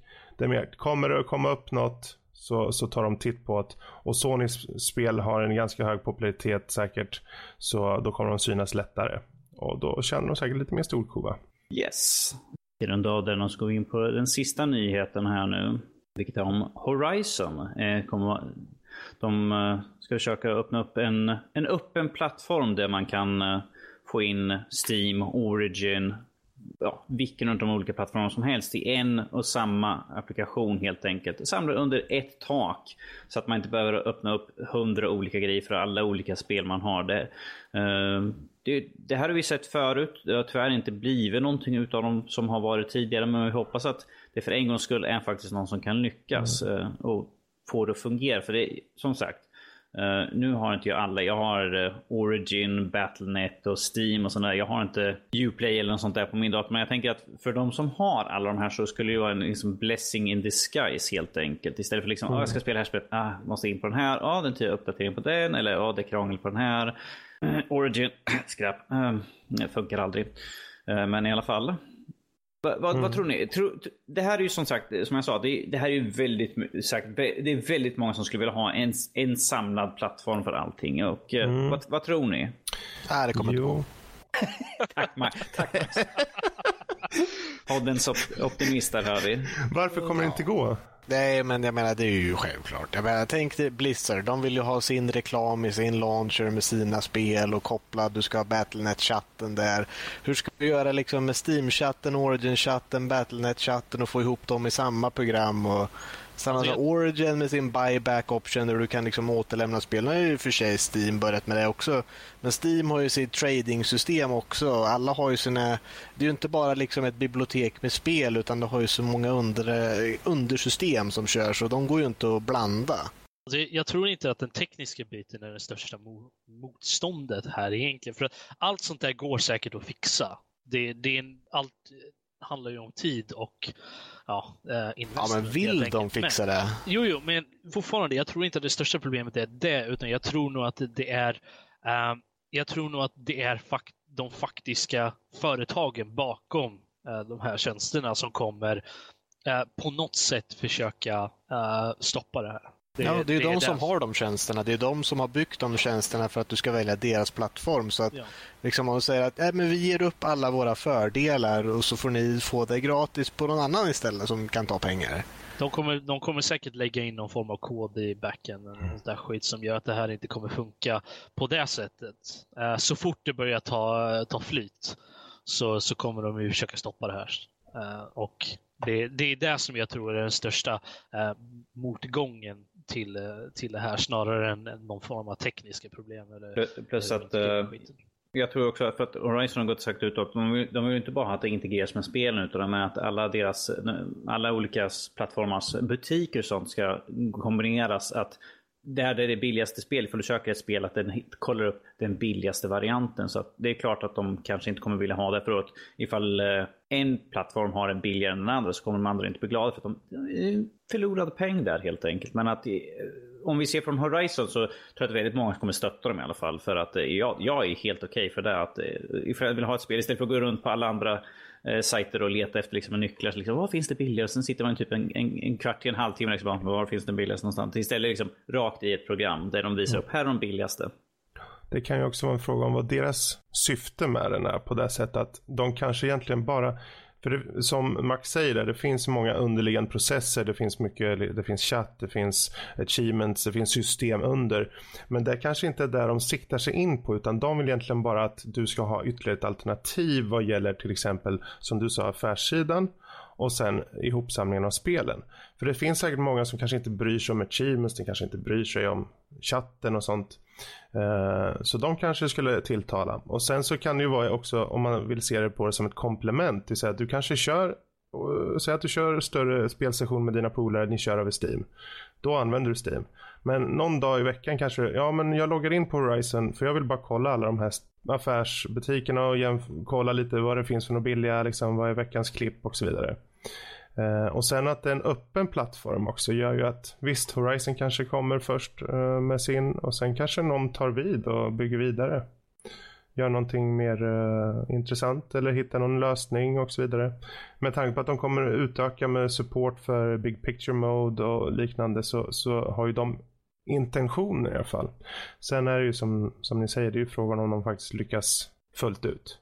Vad är deras, vet vi deras affärsmodell om man säger? Vad är det de ska tjäna pengar på? Tar de en peng det för varje spel det här, de köper? Det här är en non-profit, de här. Precis. Det kommer ju aldrig gå i så fall.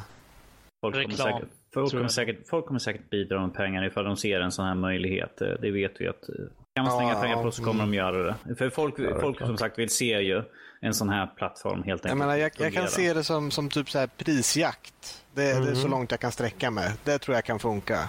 Ja, fast bara om det, om det skulle vara som prisjakt där man bara kan se alla olika deals som syns där och ge sig vilket som är bäst. Det skulle kunna göras via en hemsida istället. Det behövs ju inte en helt ny application. För så som, om, om man ska göra så som du säger Fredrik, då är det ju bara ytterligare ett program man måste ha Mm. Uh, utöver alla de andra. Så då känns det ju nästan lite meningslöst. Men det är ju som sagt, det är frågan angående vem de riktar sig åt. För jag har inte någon koll på, precis som du sa där Max, just affärsmodellen och de verkar inte ha någon med tanke på non-profit. Men det måste ju ändå finnas, även för en non-profit developer så finns det ju alltid någon affärsmodell med. Och de måste ju ha en riktad idé för vad de faktiskt vill åstadkomma. Och jag kan tänka mig att det är just att kanske just inte de här eh, inom situationstecken hardcore eh, gamers utan mer casual-spelare som kanske inte bryr sig utan kanske vill stötta alla de här klienterna och ha det samlat. Så det är kanske dem de vill komma åt. Jag vet mm. inte. Jag håller mig starkt skeptimistisk till det hela helt enkelt. Mm. Jag tror inte det finns mer att säga om det egentligen. Nej. Vi vet ju nästan ingenting om det. Nej, precis. Det finns en uh, Helt enkelt bara pre-beta, men... Precis. Eh, så för de som vill kolla så är det bara att söka Horizon Prebeta bild. Yes. Så kan man hitta det. Men som sagt, vi, ifall, ifall de lyckas eller liksom fler så kommer vi såklart följa upp det och se Mm. Vart, ja, precis, för pengar styr. Tack Gentle Crabfish. Pengar styr. Så vi får se vart det, vart det här styr den här gången. vi, oh. nästan, vi, vi, gick nästan tre pods utan att få det med. Och nu oh. så... Skyll på chatten. Skyll på Gentle Crabfish. Ja. Det är inte mitt, det är inte mitt Men vad bra. Men eh, där yes. har vi i alla fall eh, den här veckans eh, spelnyheter och vi rundar av där. Och går vidare till veckans diskussion. Och den här veckan så är det just när är ett spel klart för dig? Och brukar ni varva spel? Så om vi börjar med den frågan då. Och ja, Danny till exempel. När är ett spel klart för dig? Eh, vanligtvis mig, eh, aldrig. Eh, det beror helt och hållet på vad det är för typ av spel. Eh, nu, nu kan inte jag svara för folk som spelar, som, nu är inte Karl här kan säga som till exempel spelar eh, CSGO och sånt där. Mm. Man är aldrig riktigt klar för man känner att nej, nu räcker det liksom. Jag spelar ju inte multiplayer, jag kör ingen MMO eller någonting sånt. Jag kör ju, van, jag kör ju single player. Och när, jag, när jag räknar till jag är klar med spel, är jag helt enkelt att nu är jag nöjd med det. Antingen är det liksom att jag har bara spelat igenom spelet en gång och jag känner att ifall det är en sån här där det inte finns några fler storylines eller något sånt där, då är jag klar. Finns det flera storylines eller flera olika slut, och det är liksom så här, är spelet verkligen så intressant att jag är beredd att spela igenom en gång till bara för att få ett annat slut? Ibland mm. inte, ibland kanske. Så här, beror på, beror på hur, vad det är för spelserie helt enkelt. Mm. För någon som verkligen engagerar mig. Mm. Eh, och en del spel så kan jag spela igenom flera gånger Lego. Mm. Bara för att klara av till 100%. För mm. det är den enda spelserien som jag spelar igenom för att klara av allt. Skulle du varv, varva ett sådant spel som Lego? Även om du har kört 100% på det? Eh, alltså när man har gjort allting så har man ju spelat igenom allting minimum två gånger. Så då har jag, då har jag inte fått ut allt som finns av spelet. För att mm. sista playthroughen är egentligen bara för att fixa de sista achievementen, mm. liksom samla alla saker, få x antal pengar och sådär. Ja, men jag just tänker på, för det, det är ju ett kul spel i sig, gameplay mm. och så. Om vi tänker oss att du faktiskt är klar till 100%, skulle du då vilja, ja men jag tar och startar om. Händer det eller? Nej, det händer inte. Eh, för jag känner att då har jag redan klarat, fått allting till 100% som mm. sagt. Det, det, då finns det ingen anledning att gå tillbaka i ett spel. Är, ja. Så det är inte gameplayet som lockar, det är kanske just den här finaliteten i, i uh, achievements yes. och annat då? På, på ja. de typerna, ja. när man spelar såklart, då är det liksom bara för att första omgången är liksom, jag vill bara se hur de har gjort det. Det är kul, kul spel, de har väldigt mycket humor och sånt. Och sen andra gången då är det liksom bara, bara för att fixa de sista sakerna. Mm. Sen, sen räknar jag mig klar på dem i alla fall. Eh, just nu spelar jag på Modern Warfare 2 och eh, det är liksom single player jag kör. Mm. Och jag kommer köra Spec Ops också. Eh, men att där har jag spelat igenom en gång, då är jag klar. Mm. Helt enkelt. Det är inte så att jag kommer försöka 100% jag kommer inte gå ut på multiplayer för att jag kommer dö stenhårt. Och det är så, det, då blir jag frustrerad så tv handkontroll är liksom kombination där. Okej, okay. men eh, precis. Om vi hoppar över till eh, Maxiboy. Eller vår anime-konnonsör som finns med oss. När är ett spel klart för dig? Och då om vi tänker just främst singelspel då såklart. Okej, okay, för jag tänkte dela på dem rätt mycket där. För det finns ju de som är eh, Singelspelen är oftast, jag tror jag delar lite med dig Fredrik där hur mm. du kör dem, att man kör egentligen genom eh, en gång och alla beslut som sker däremellan, oftast RPG och liknande, de tar man. Så att det här blir min historia. Sen har jag svårt att köra eh, samma igen om det inte är så att eh, om jag tar mig liksom, jag börjar ett spel och tar jag mig till slutet av det här spelet, då är chansen att jag spelar om det spelet väldigt liten. Mm. Eh, det är liksom, jag, jag lyckades hitta alla de här grejerna på första försöket. Då, då är det lugnt. Om det inte är någon väldigt specifik grej, så här, okay, den här grejen måste jag hitta. Då mm. kör jag förmodligen om spelet, hittar den grejen och sen spelar jag inte igen. Men det är väldigt, väldigt sällan det händer. Ha, då... har, du, har du något minne av något spel som du faktiskt har varvat som du har kört om en andra gång? Jag var mm, nyfiken. Ja, det är väl lite så gamla nostalgispel, kanske några så här NES-spel eller liknande. Mm. Som man känner att, ja just det, det här spelade när jag var liten och varvade ett par gånger. För på den tiden när man bara hade en fyra, fem spel, då körde man om spelen ett par gånger. Så det är mm. någon gång jag kan plocka upp och göra så. Men det är Nej, det finns för mycket spel. Jag mm. går sällan tillbaka, jag går hellre framåt. Jag menar, det finns många spel ofta som blir klara genom att de blir inte färdiga på första gången jag spelar dem. Det vill säga mm. att jag startar ett spel och sätter mig liksom med en session med det och är det så att jag inte blir klar med spelet så kanske jag aldrig kommer röra det spelet igen. Mm. Jag tycker ja, men jag testar ett nytt spel och jag spelar så långt jag känner för att spela Precis. just nu. Och sen så Istället för att gå tillbaka till det spelet så är det ofta så att man går och letar på oh, finns det några nya häftiga spel. Mm. Då, då är en följdfråga då, om, för du spelar ju mycket MMO-spel och liknande. Mm. Finns det någon gräns där som du känner, ja men nu, nu känner jag mig mätt och belåten på det här spelet? Eller är det svårt att ens avgöra om det finns en sådan gräns? Ja, det finns, ju, det finns ju två typer av spel som man kan spela i oändlighet. Det ena är ju multiplayer-spel och det andra är MMO-spel. Och de är ju, ja, man kan ju tycka att de är samma sak. MMO-delen brukar bli när det blir för mycket grind. Vissa spel kommer upp till den nivån och känner att ja, nu måste du spendera eh, tre timmar om dagen med en grupp med åtta personer och försöka köra den här grejen 15 gånger och du har en eh, 0,5% chans att någonting droppar och sen är det då en åttondels chans att du får den droppen för de andra måste ha den också. Mm. Då känner jag att nu är det inte här värt min tid längre. Visst, det är jättesvåra grejer. Det är riktigt roligt med en grupp folk som gör så koordinerat komplicerat att få det att funka. Men um, då börjar det tappa för mig. Och även om mm. du behöver sitta... Ja, du behöver gå och göra de här daily questen, alltså det här som, som du kan göra en gång om dagen. Att du måste göra de här varje dag för att hålla dig relevant. Då känner jag att nej, det, till en viss del så går det, så länge det fortfarande är roligt. Men eh, annars så, eh, nej, då, då brukar jag ge upp där mm. någonstans. Det finns någon liten gräns där. Alla har väl sin personliga gräns som kommer där någonstans. Det där är intressant, för det, det är ju något man har, i alla fall jag har undrat, och som inte spelar så många MMOs. Men jag, jag har å andra sidan märkt när jag blir liksom klar eller känt mig klar. Men om vi hoppar vidare då till Rob.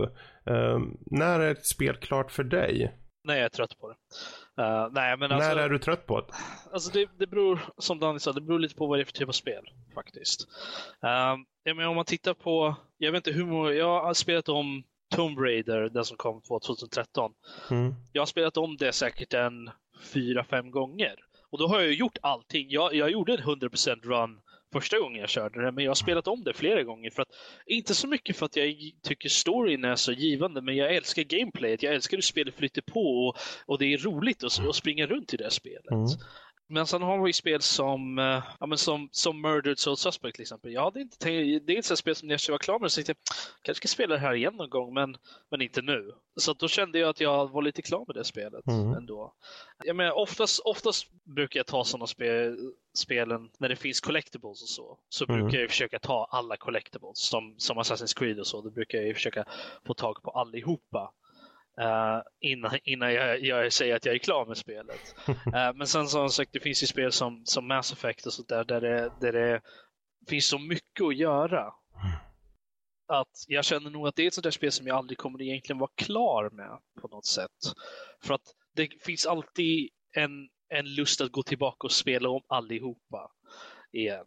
Och, och göra andra val eller se om jag kan göra bättre val. Mm. och sådär. Så det, jag tror att det är en väldigt subjektiv fråga. Uh, där, det, där det beror väldigt mycket på vilken typ av spel det är, om det finns någon, något, hur mycket återspelningsvärde som finns i spelet för mig personligen. Mm. Och uh, sen uh, är det ett storydrivet spel, hur intressant storyn är. Så, det, så, så, känner jag lite grann för, om vi tar till exempel mig och Assassin's Creed-spelen, att när jag spelar spelen så försöker jag jag går ju, jag har ju problemet att jag ska gå och kika på allting, jag ska utforska allting och sånt där. Och då, då när jag har spelat igenom det en gång, då, då, ifall det är ett bra spel så är det liksom att vad ska jag göra? Jag har redan gått och kollat på allting. Jag har redan gjort allting. Det är det som driver på när jag spelar spelen för det mesta. Att gå omkring, kika på och kolla igenom allting. Och, när, och sen och jag spelar igenom en annan gång, då känns det liksom att jag får liksom allt det roliga som redan fanns i spelen. Så då, då, då anser jag att om jag är klar, jag har redan sett allting. Det, Mm. Det, det, är liksom en, det, det är dess drivet så för att ta mig igenom spelet. Ifall det, storyn är lite så här, på en del gånger på många spel. Så här, då är det liksom det här, vad finns det för något intressant? Vad, vad är, har de gjort i spelet? Så här, vad kan jag utforska för någonting? Och det är väldigt mycket så i, i många fantasyspel och sånt. Eh, ta Dragon Age, vilket jag inte är klar med Dragon Age 3 då. Jag är inte klar för att jag blev lite uttråkad för att storylinen var lite si och så och gameplayet var med när, jag, när jag spelade. Då tänkte jag att ja, jag är nöjd just nu. Jag kommer säkert plocka upp med att just nu räknar jag mig som klar med spelet. That, mm. That's it. Då, vad bra. Men om vi då tar en sista fråga just. Hur ofta tror ni spelare rent generellt klarar av spel? Hur många blir kanske klara? Är det fler än man tror eller färre än man tror? Eller?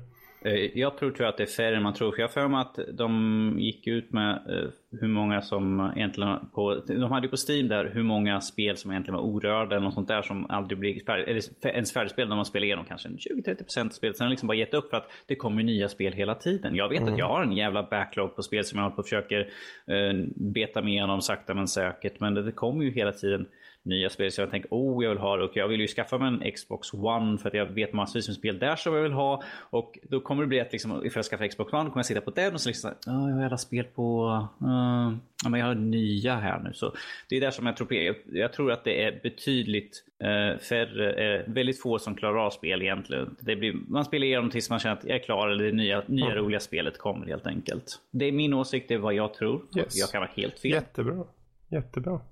Men eh, vad bra, men där har vi i alla fall eh, den här veckans, veckans diskussion. Eh, och är det så att ni där ute har någonting ämne eller idé som ni skulle vilja höra oss snacka om, mejla in till oss för guds skull. Eh, det är ju info at nordlivpodcast.se. Lätt som en plätt. Eh, bra, men då hoppar vi vidare till övriga nördämnen. Och eh, vi kommer börja med Batman vs Superman, Dawn of Justice som gick upp på bio här om veckan. Eh, och eh, det kan komma ett par milda spoilers. Är det så att ni där ute är lite så här, ah, vi väntar med det där. Då eh, skulle jag föreslå att ni tar och hoppar en 5-10 minuter. Så, så undviker ni spoilers. Bra. Danny, du har ju varit och sett den. Jag vet inte, Rob, har du sett den eller? Nope. Max, har du sett den? Japp. Yep. Mm. Vad kan man säga? Batman vs Superman, Dawn of Justice. Um... Um, ja, man, jag kan ju snabbt börja säga så här, det, det här var min första respons. Att det är fem, fem plus historier ihopbakad mm. till en. Jag sa att det här är motsatsen till The Hobbit. The Hobbit är en jättekort bok som de drog ut i tre filmer. Det här är liksom fem jättelånga historier som de tryckte ihop till en film. Helt enkelt. Det är ja. så, så mycket, för att rätt det är så mycket storyline, det är så mycket plots och sånt där som försvinner bort egentligen under filmen för att de försöker klämma in så mycket. Jag vet inte vad Zack Snyder tänkt egentligen men att uppenbarligen hade han ett totalt hjärnsläpp när, när de gjorde i ordning den här. De eh, Ja, vi kan väl säga det. Det tar vid direkt egentligen efter Man of Steel på sätt och vis. Du får se egentligen det som händer under Man of Steel när uh, Stålmannen då slåss mot uh, Sod och de här elakingarna. Mm. Uh, och hur det då påverkar. I det här fallet så är det ju så att Gotham som Batman bor i och Metropolis är tvillingstäder. Och då just aspekten av att Batman eller Bruce Wayne då som spelas av Ben Affleck eh, ser eh, anställda och vänner och bekanta dö i de här stora explosionerna och så. Eh, är egentligen upptakten på fi eh, filmen då. Eh, man får följa då Batman som tycker att den här Superman måste tas ner på jorden. Både bokstavligen och eh, på annat sätt. Men, eh, eh och sen har vi Superman som eh, då försöker att komma underfund om vilken plats han har och försöker att göra rätt. Men det är många röster emot honom om vi säger så. Ja, vad har du för något intryck av filmen då Danny? Om du ser just till utseende och liknande. Alltså utseendemässigt så tyckte jag den var väldigt snygg. Den, den är väldigt fint filmad och så. På den, på den biten, på tekniska aspekten så har jag absolut inga problem med den. Eh, mm. Det är som sagt, det är tyvärr eh, själva storylinen mm. som faller ganska hårt. Eh, de, som sagt, de försökte klämma in så mycket som möjligt det känns som de försöker, Marvel har liksom byggt upp med en karaktär, en film. Medan eh, DC nu känner att ja, vi måste få in för Justice League och allt sånt där. Så vi slänger in de vill komma ikapp känns det som. Ja, och jag förstår inte varför. De kunde ha så mycket bra filmer istället. För det finns det är så väldigt många bra storylines som de har tagit till manuset. Eh, eh som de kunde ha gjort en, en, film på istället och byggt upp mm. världen istället, istället för att klämma ihop allting. Ja. Eh, jag, jag, förstår inte det liksom. Jag, jag vet inte hur de har tänkt. Max, vad, vad, kände du när du såg filmen? Fanns det några saker du tyckte det här var bra och det här var mindre bra? Ja, nej. Uh, jag, jag är inte jätteinsatt i comics och mm. filmer överlag. Jag föredrar den då är, här tårta-grejen. Det är ju jättebra, så då kan vi få din så här mening här liksom som inte har någon koll egentligen överhuvudtaget på storylines. Ja, jag, sagt, jag hade ingen koll på att de här hade fler storylines. Jag såg det som en bra film bara. Och... Mm känna att ja, men det, var, det var mycket action. Jag tyckte de inte gick in på någon karaktär för djupt. Jag hängde med på vad alla ville. Alla hade sin egna agenda. Så det var, jag tyckte de var rätt bra ihopkopplade för att ha så mycket ändå. Så visste man ändå vart alla skulle. Det var lite förvirrande där om man inte hade sett liksom, tidigare Superman-filmen. Att, mm. eh, nu, nu, hade jag ju sett den, men jag kommer inte ihåg så jättemycket. Till exempel att det låg ett skepp där. Det var så här, Jaha, ja, där fanns ett skepp. Ja, ja, ja sure, ja, det är där. Ja, men jag vet ju vem den där nissen är, sådd-grejen, vad han är för något. Och, ja, det funkar ju det också. Och så. Jag tyckte ja. det är den enda jag kommer ihåg som är roligast som kom från den här filmen. Det är ju Sad Ben Affleck, men ja. Vad tycker du om Ben Affleck som Batman? Jag tyckte han gjorde den väldigt bra faktiskt. Jag tror han, mm. jag skulle nog nästan föredra honom för jag tycker att uh, Christian Bale hette han som gjorde innan, mm. eller hur? Mm. Han, mm. han med sin mörka Batman-röst tyckte jag blev lite småfånigt. Och, mm. Jag har lite... Jag har svårt att ta Superman på allvar också. Jag tycker de gör honom väldigt bra i filmen men han som koncept har jag väldigt svårt för. Mm. Han, för han känns som en så otroligt, otroligt gammal superhjälte. Jag menar, om man bara tar liksom honom på papper så känns det som en parodi verkligen. Ja, han är klädd så här och han har kappa och han skjuter laser ur ögonen och han kan flyga och han kan göra sånt här. Han kan göra allt. Ja, precis. Men de gör det väldigt, väldigt bra. Jag tyckte filmen när jag såg den, liksom, jag tänkte inte mycket på det och så. Det var mer roligt att se. Mm. Eh, jag tycker synd om Ben Affleck för det känns som att han har lagt ner väldigt mycket ja. energi på det där och jag tycker han gör det väldigt bra. Precis. Och han får eh, otroligt negativ respons för det. Så att ja, den här Ben Affleck Youtube-klippet har ju spridit sig som en tok. Okej, okay, ja det har jag missat. Eh, det är, det är för lite smått bara. Han säger det är... Eh, vad heter han som spelar eh, Stålmannen? Uh, Henry Cavill. Ja, det är de två i alla fall. Han och Ben Affleck sitter där och liksom blir intervjuade. Och då säger intervjuaren bara, ah, har, ni, har ni sett någonting på recensionerna för filmen ändå?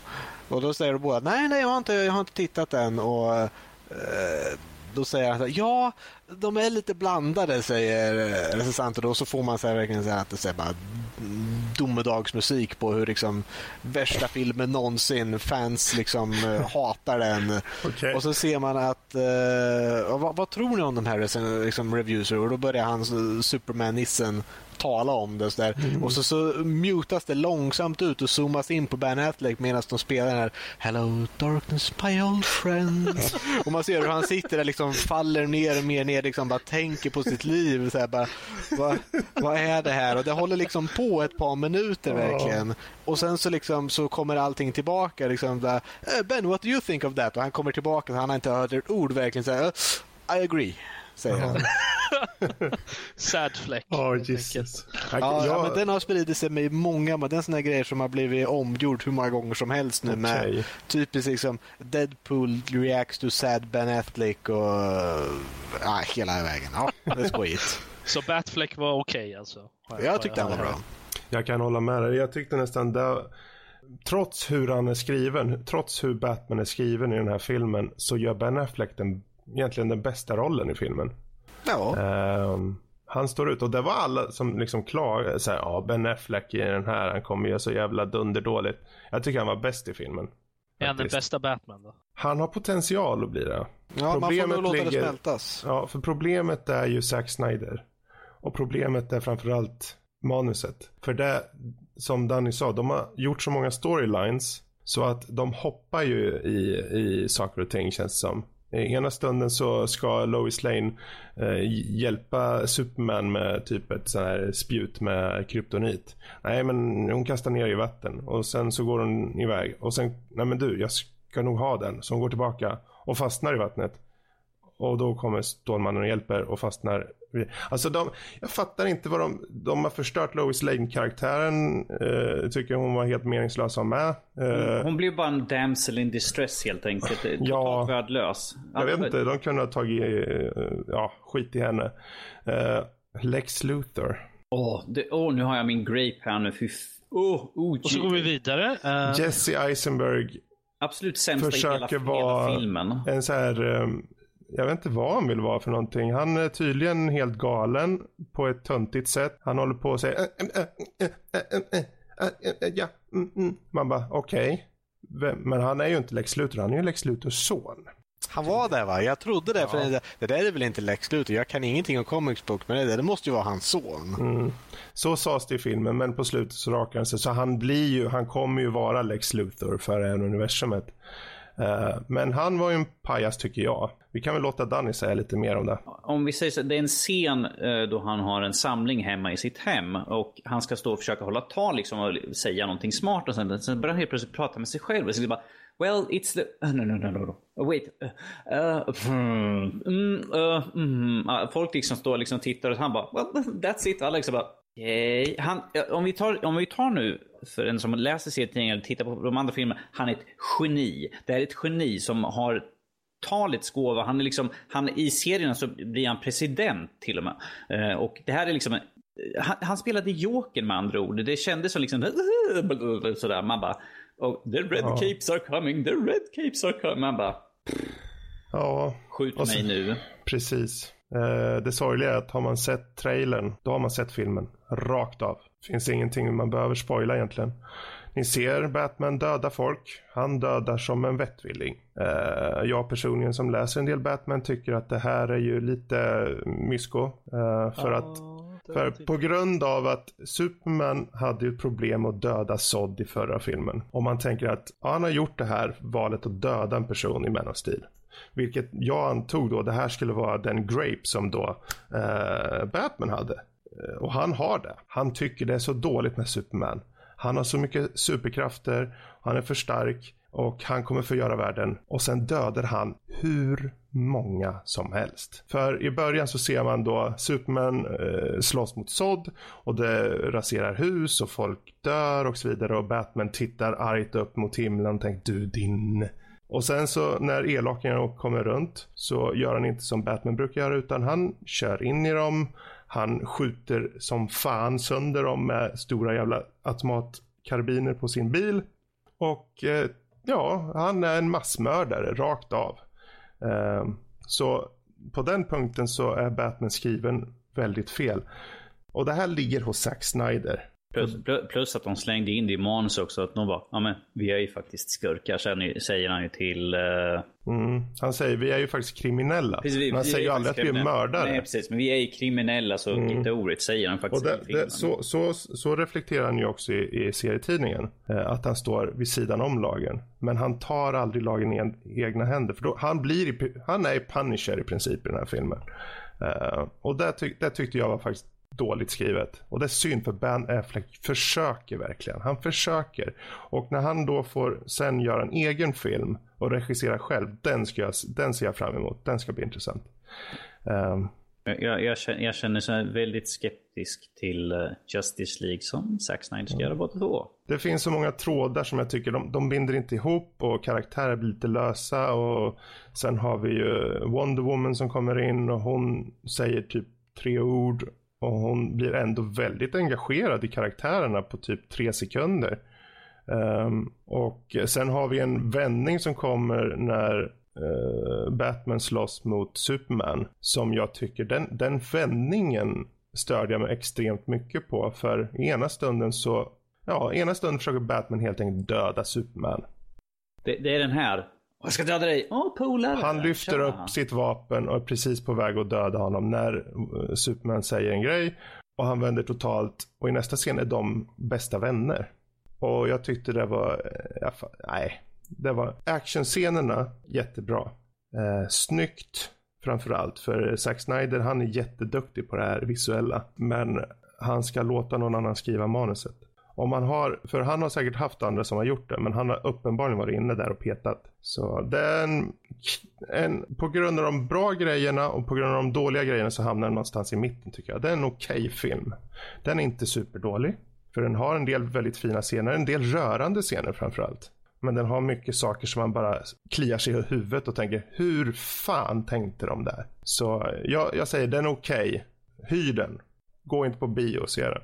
Jag, jag kollar och kunde se att det, det, det är ju det Skojer som har skrivit den. Mm. Har skrivit den så. Jag, jag, jag, säger så här, se den för att jag tycker att den är, den är fortfarande sevärd. Ifall man inte är så insatt i mm. Inte på bio dock. Ja, nej. Jag, jag, kommer ju dock köpa den här för att jag är väldigt mm. nyfiken mm. på vad, vad, vad den Directors Cut kommer ge för någonting. De skulle ha en halvtimme extra R, nästan, Precis, en halvtimme extra material. Kanske får att de kanske tar några trådar och liksom binder ihop på något Precis. sätt. Det kan ju faktiskt vara någonting som bygger upp filmen betydligt bättre. För att ibland kändes det som klippningen var lite si och så som de hade liksom tagit bort massvis med saker. Man bara ja. okej, okay, vänta nu här helt plötsligt. Okej, okay, ja ja. Ja, alltså, sen har vi lite drömsekvenser som är drömsekvenser i drömsekvenser och man tänker vad är det som händer? Inception. Ja, men vi behöver inte gå in mer på det. Vi har redan spoilat lite grejer, men det blev ni ju varse om. Uh, det är som sagt, jag personligen tycker det är en okej okay film. Den har bra stunder, den har mindre bra stunder. Och likaså, jag menar vi har Max som, som inte har någon liksom eh, så jätteinsatt. Han tycker det ändå är en bra film liksom. Så det här är ju, är det så att du är ute efter just action för stunden så varför inte ta hyr den här liksom eller eh, så. Uh, jag, mm. Vad fan, gå på bio om ni vill se den också. Det, fuck it. Jag ja. funderar bara egentligen på vad DC tycker om allt det här. Det är inte så jättebra press för, för vidare av deras filmer egentligen. När det kommer om vi, om Marvel vi, har ju gjort jättebra ifrån sig. Men... Låt, låt, oss säga så här, de har tjänat tillräckligt mycket på den här filmen, mm. så jag tror de är nöjda. Ja. Jag känner att det bara speglar väldigt mycket det, det, de mot Marvel. Liksom. Att Marvel verkar ju bry sig. Liksom, att okej, okay, vi ska göra flera filmer av det här. Mm. Vi vill göra en stor grej av det här medan de vill bara ha eh, pengar för stunden. Liksom, ge oss ja, kronor, liksom. och det, det, är saker som de trycker in verkligen. Som eh, eventuella cameo som dyker upp som man tycker okej, okay, det där kunde jag ha skött bättre. Men eh, där får ni titta själva och, och säga vad ni tycker om. Um, bra, men jag tycker vi rundar av där. Är det så att ni tycker totalt annorlunda än oss, då tycker jag ni ska mejla in till oss och säga åt oss på skarpen. Vad tusan, Batman vs Superman var ju inte så dålig. Eller så bra. Mejla till info.nordlivpodcast.se. Bra, från ett radarpar till ett annat. Uh, Rush Hour. Tv-serie har blivit av det. Yes. Och um, du har ju sett första avsnittet. Jag tänkte om du har lite first impressions av det. First impressions? Uh, ja, det har jag. Uh, det här, jag kan säga, första avsnittet släpptes i, in, var det i natt? Visst man någon gång. Ja, det släpptes här. nu. Så jag såg det under, eh, jo, igår tror jag det släpptes. Uh, och om vi säger så här. första avsnittet är egentligen en rehash av av första filmen. Med, med lite ändring på storylinen. Istället för en konsulentens dotter som är kidnappad så är det Lee Lees syster som är kidnappad. Eh, och det är därför han åker till USA helt enkelt. Och sen därefter så är det egentligen första filmen som de bara ändrar mm -hmm. några lite små detaljer och sånt där. Det, det, är väldigt mycket och de har försökt få in um, hur de rör på sig och, och som uh, Jackie Chan och uh, Chris Tucker. Okej. Okay. Till exempel Jackie Chan han hoppar upp och svingar med benen över när han sätts i bil och sådana saker. Eller, det är liksom, de har försökt få till samma sätt mm. de gör och eh, på den nya skådespelaren som spelar Chris Tuckers roll. Eh, vad heter han? Carter heter han, eh, alltså karaktären. Eh, de har ju också försökt, han är en sån snabbpratande, försöker vara rolig men är totalt egentligen misslyckad. Nu var inte det här någon riktig sån här utan det var mer såhär, mm, okej. Okay. Alltså jag kommer, jag, det är ju som sagt det är liksom pilotavsnittet här just nu. Men jag kommer fortsätta se mm. hur, hur de bygger upp det. För att en del grejer var kul, en del kändes liksom eh, Jag har ju sett filmen så jag vet ju redan i princip vad som kommer hända. Han är bad guy, det förstår jag redan för jag har mm. sett filmen. Eh, det är lite synd. Jag tänkte han som spelar Lee, alltså eh, Jackie Chans roll, är han någon känd kampsportare eller något eller? Det kan jag faktiskt inte svara på för jag, jag kände inte igen honom jag kände inte igen någon av de här. Tänk, för det är, ändå, det är ju inte bara just mimik liksom hur de rör sig och så. Det är komik också, men det är just den här hur de slåss och så. Jag tänkte om det finns väldigt mycket likheter i hur han slåss mot Jackie Chans då som, som använder mycket liksom prylar och så. Uh, nej, det används inte så mycket. Det är mer fist och fötter så Ja, okay. Jag sitter och kollar. Han, är, han, han var med i tecken se här. Mm. Mm. Ja, yeah, det, det, säger allt om kvalitet på filmen och mig. Han är, han, eh, det står på IMDB att han är kampsportare. Han är tränare inom kampsport. Mm. Uh, alltså, det vore ju konstigt annars. Ja, ja nej, de, de, de, ha, de, hade ju det. De fightades ju i filmen så, men, så man förstod att han var någon typ av kampsport, men jag vet inte vad han ha, var med Har även arbetat med Jackie Chan i två filmer. Så att, uh... Han har lärt sig därifrån. Bra, bra. Men, okay. att, men att om vi säger så här, det är, just nu än så länge är det bara rehash av första filmen. Jag hoppas de inte gör del, episod 2 och 3, liksom rehash de två andra mm. filmerna. Så här. Då kommer det vara så här, vad ska ni göra efter de här tre delarna? Ja. Men, det är lite ett, ett okej intryck ändå. Ett okej intryck. De försöker ju, de måste ju börja med någonting som känns bekant. Det brukar ju vara så när man gör mm. en adaption från en film till en tv-serie. Det brukar vara som man tar filmen eller något sånt där stora delar ifrån och gör det helt enkelt i tv-serieformat. Men att jag, jag ska se dem vidare på den ett, ett, så länge det liksom intresserar mig. Men att äh, än så länge, ja, det är helt okej intryck faktiskt. Kul. Yes. Bra, men det får egentligen räcka för övriga nördämnen. Så tar vi och hoppar raskt vidare till lyssnarmail som vi har fått in den här veckan. Uh, vi har ju fått lite mail. Dels har jag ju slängt ut lite frågan just för ni kanske märkte att jag tog upp Zelda tidigare. Och då frågar jag egentligen uh, i Facebook och andra ställen om uh, vad det finns för några Nintendo-spel som man bör ta upp. Så det kan vi ha fått lite på. Men mer exakt om det, Rob. Ja du, Fredrik, lilla gubben. Ja du. uh, vi har fått ett antal mejl här. Vi kan ju börja med det första. Det kan ju alltid vara bra. ja, vi, vi, vi kan en, gå vidare. En, en bra start sådär. Vi börjar med vi kan, första. Vi kan skita i... Nej. Um, det är från, uh, från Robin. Uh, Hej! Uh, jag lyssnade, ny, lyssnade nyligen och hörde er prata om Murdered Soul Suspect. Jag tycker jättemycket om det spelet, så det var kul att lyssna på. Vet ni om några andra spel liknande Murdered i utförande? Jag suger på något liknande men inte hittar något. Vore tacksam för hjälp. Tack och hej Robin. Ja, har vi någonting där? Jag kan vi, inte komma på någonting direkt. Om vi säger så här, att få exakt samma anda, ha Murder Soul Suspect, är lite svårt. Men att LA Noir skulle jag rekommendera i så fall. För det är ju detektiv och det är det är väldigt många som har sagt att de har liknande i utförandet på själva hur man går igenom och letar. Och sen skulle jag också, ifall du utvecklar någonting detektiv, så Sherlock Holmes Crimes and Punishment också. En stark rekommendation. Ja, det låter bra. Var det någon annan som hade förslag där eller? Nej, det låter som bra förslag. Då går vi vidare. Nästa mejl uh, från Sixten. Uh, Hej! Jag såg Hej. frågor om uh, Nintendo-spel. Fredrik måste spela något Wario-spel. Han har, hade spelat Mario-spelen så det blir ett fint fin, fint komplement. Uh, det är mer minispelsuppbyggda oftast, men är riktigt roliga. Uh, och om man bara har 2DS så finns nog några i Virtual Console att köpa. Mm. Uh, för min del så var det Mario Kart som gällde. Riktigt roliga spel, särskilt senaste på Wii U. Ett riktigt underhållande spel. hoppas att han plockar upp Wario. Tja, Sixten. Ja, mm. Har du några planer på det? Oj, oh, jäklar, nu böt Shit! Max som Jättetack. visar i sin kamera här har blivit ett spöke eller någonting. Zombie. Hur som helst. Uh, jo, jag har tittat lite på Warrior-spelen. Det finns något på Virtual Console. Men uh, jag har varit så upptagen med Quantum Break och Zelda så jag har inte riktigt tagit tur med den. Men jag kommer definitivt kolla på det. Det låter bra. Uh, då har vi ett mail här titlat Nintendo. Kommer det i tacosmak? Oh, så vi kan ju alla gissa, vi kan ju alla gissa vem allas våran favorit det kommer vara. Hej alla! Uh, skrivet i stora bokstäver med fet stil. Okej. Okay. Du behöver inte skrika för det Robert, du kan prata i normal ton. Nej, men jag var ju tvungen att enunciera. Ge, ge mejl ett liv helt enkelt. Uh, uh, såg att Fredrik ville ha tips uh, på spel från Nintendo. Fuck, spelar folk fortfarande sånt?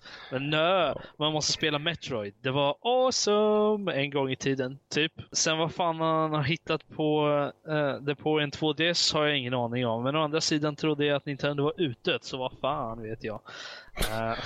Jaha. Oh, har, du, har, du, har du, finns Metroid på uh, Virtual Console på 2DS? Uh, eh, jag har faktiskt inte hunnit titta på det.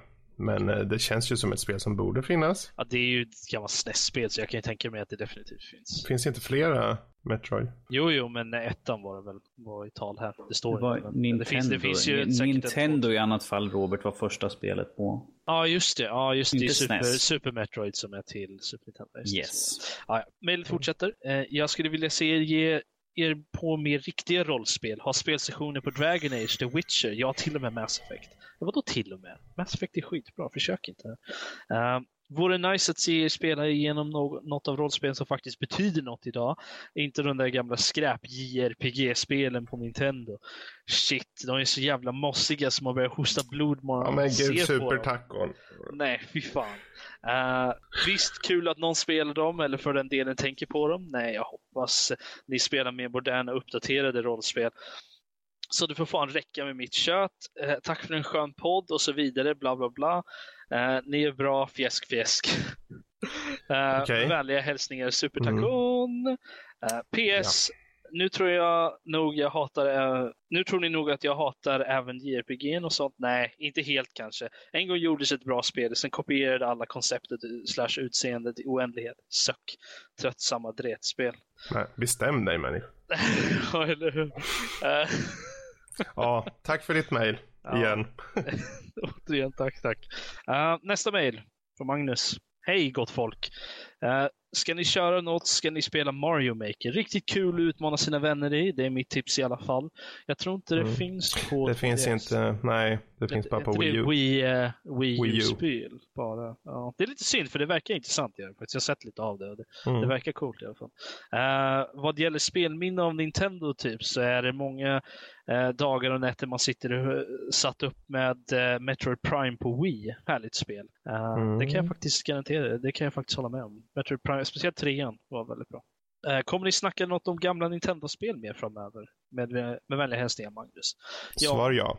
Fredrik är inne på en riktig eh, Nintendo-binge nu. Så jag tror nog vi alla kommer komma in på det förr eller senare. Oh, vi ser, jag är utmanad på ett Nintendo-spel ju och Fredrik fick ett Super Nintendo-spel som han blev utmanad på. Så vi är lite Nintendo. Nintendo och Nintendo don't. Ja, oh, yes. Vi går vidare innan, ja, ni kommer med ännu Ja, innan det där spöket kommer att ta mig. Max ser ju farlig ut tycker jag. Nej, titta inte nära kameran. Det här är bra för lyssnarna. Det här är jättekul, ja. precis för de som ja. lyssnar bara på det. En det kan bara, bara inte han är blodig, läskig, ser ut som en tjej. Ja, någon har hostat på med JRPG så att... Jösses. Ah, nästa mejl. Uh, från Emma. Uh, Hej på er! Mitt främsta Nintendo-minne är när jag spelade Zelda The Wind Waker på GameCube. Jag var väl runt 10 år och det kändes magiskt att segla runt i den världen och utforska. Ett jättefint spel och helt klart en av GameCubes bästa. Så var det för mig för runt 10-11 år sedan i alla fall. Jag väljer hälsning Emma. Eh, ja, jag har ja. spelat lite av Wind Waker och det var lite roligt. Nästa mail. jag hade inte mycket mer att säga om den punkten egentligen. Jag spelade aldrig klart spelet. Så, Nej.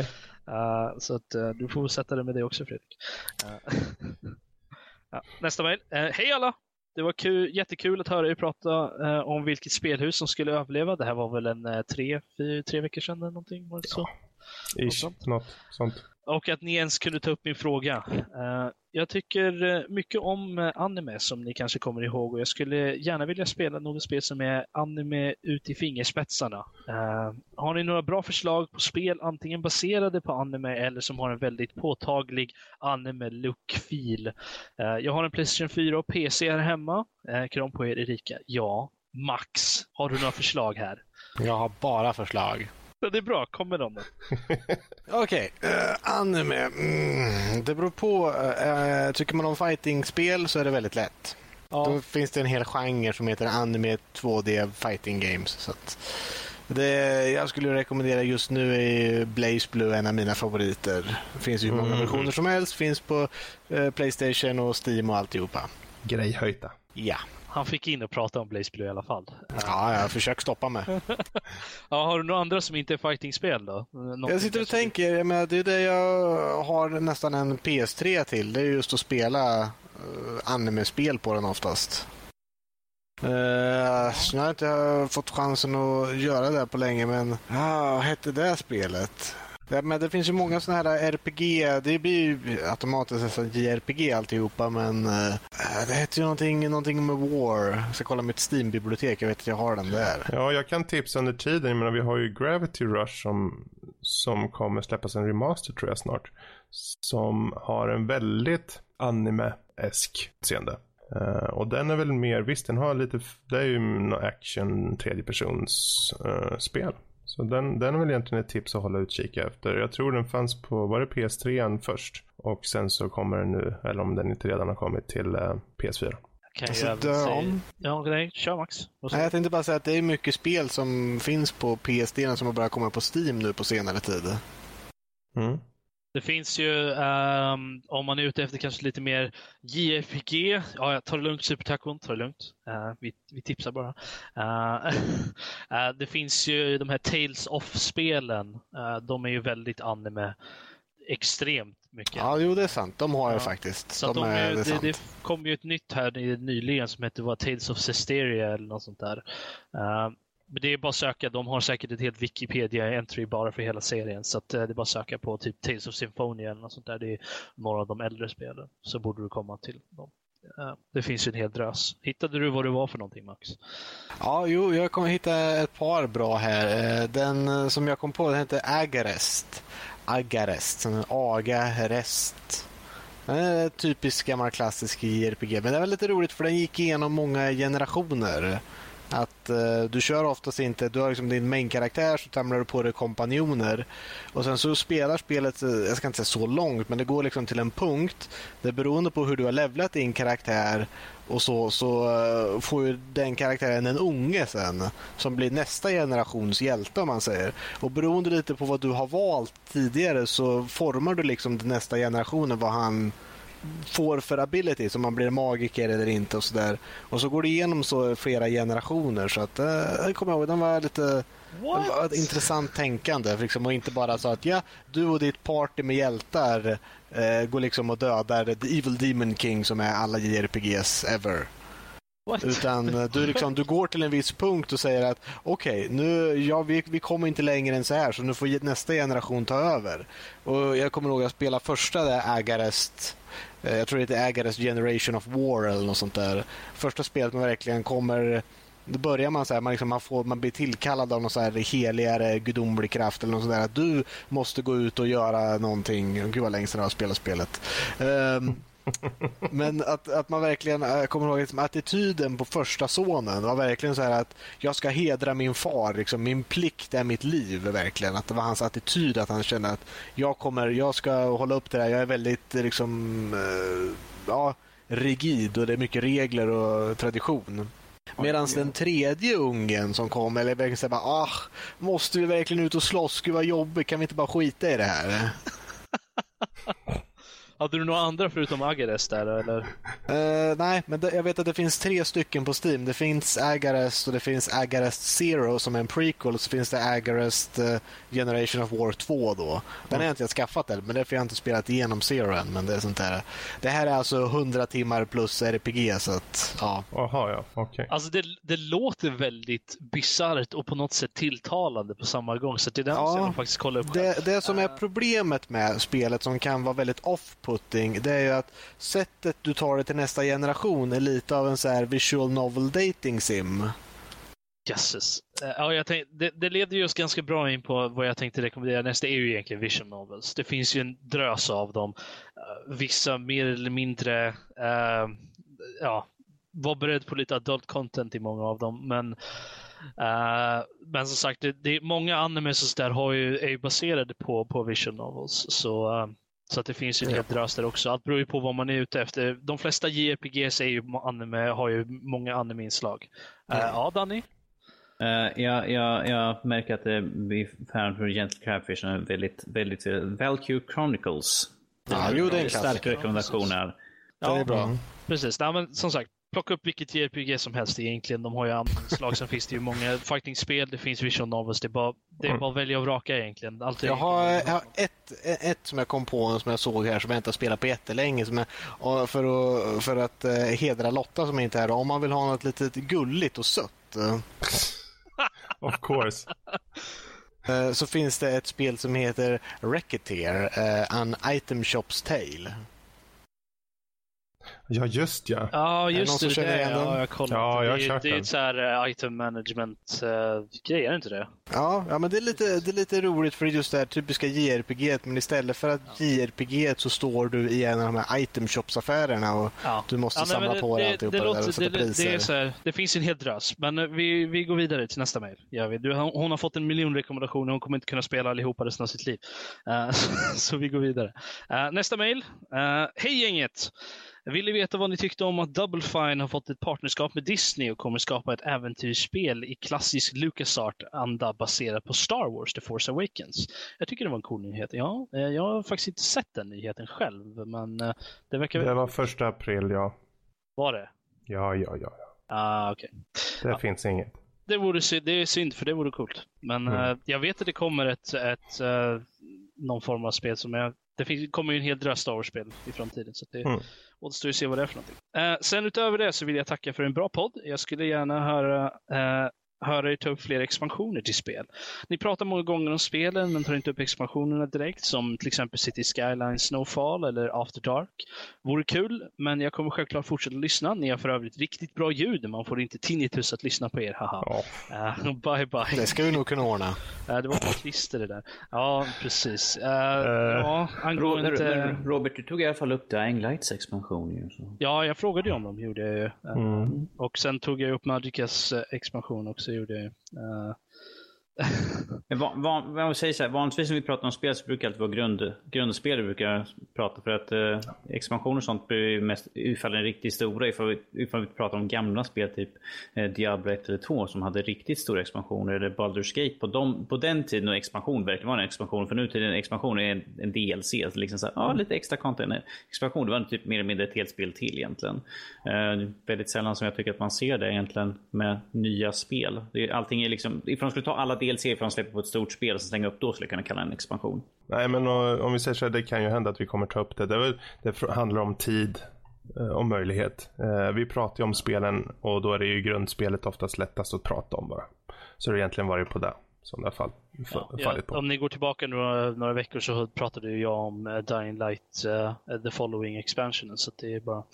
Uh, mm. så det, det händer ju, men det måste ju vara någonting bra. Riktigt bra. Det var alla mejl i alla fall. Så... Vad bra. Då så. Dig, Fredrik.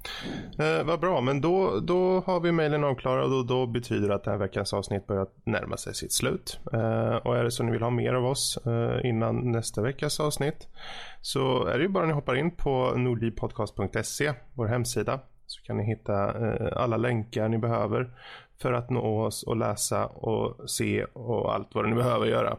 Eh, om det så är via iTunes, YouTube, Twitch eller whatever, som Danny brukar säga.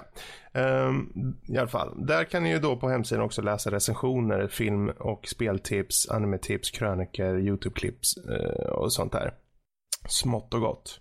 Och självklart så vore vi jättetacksamma om ni väljer att prenumerera på oss, antingen via podcastappen, iTunes, eller YouTube-kanalen, Twitch eller varför inte på själva hemsidan.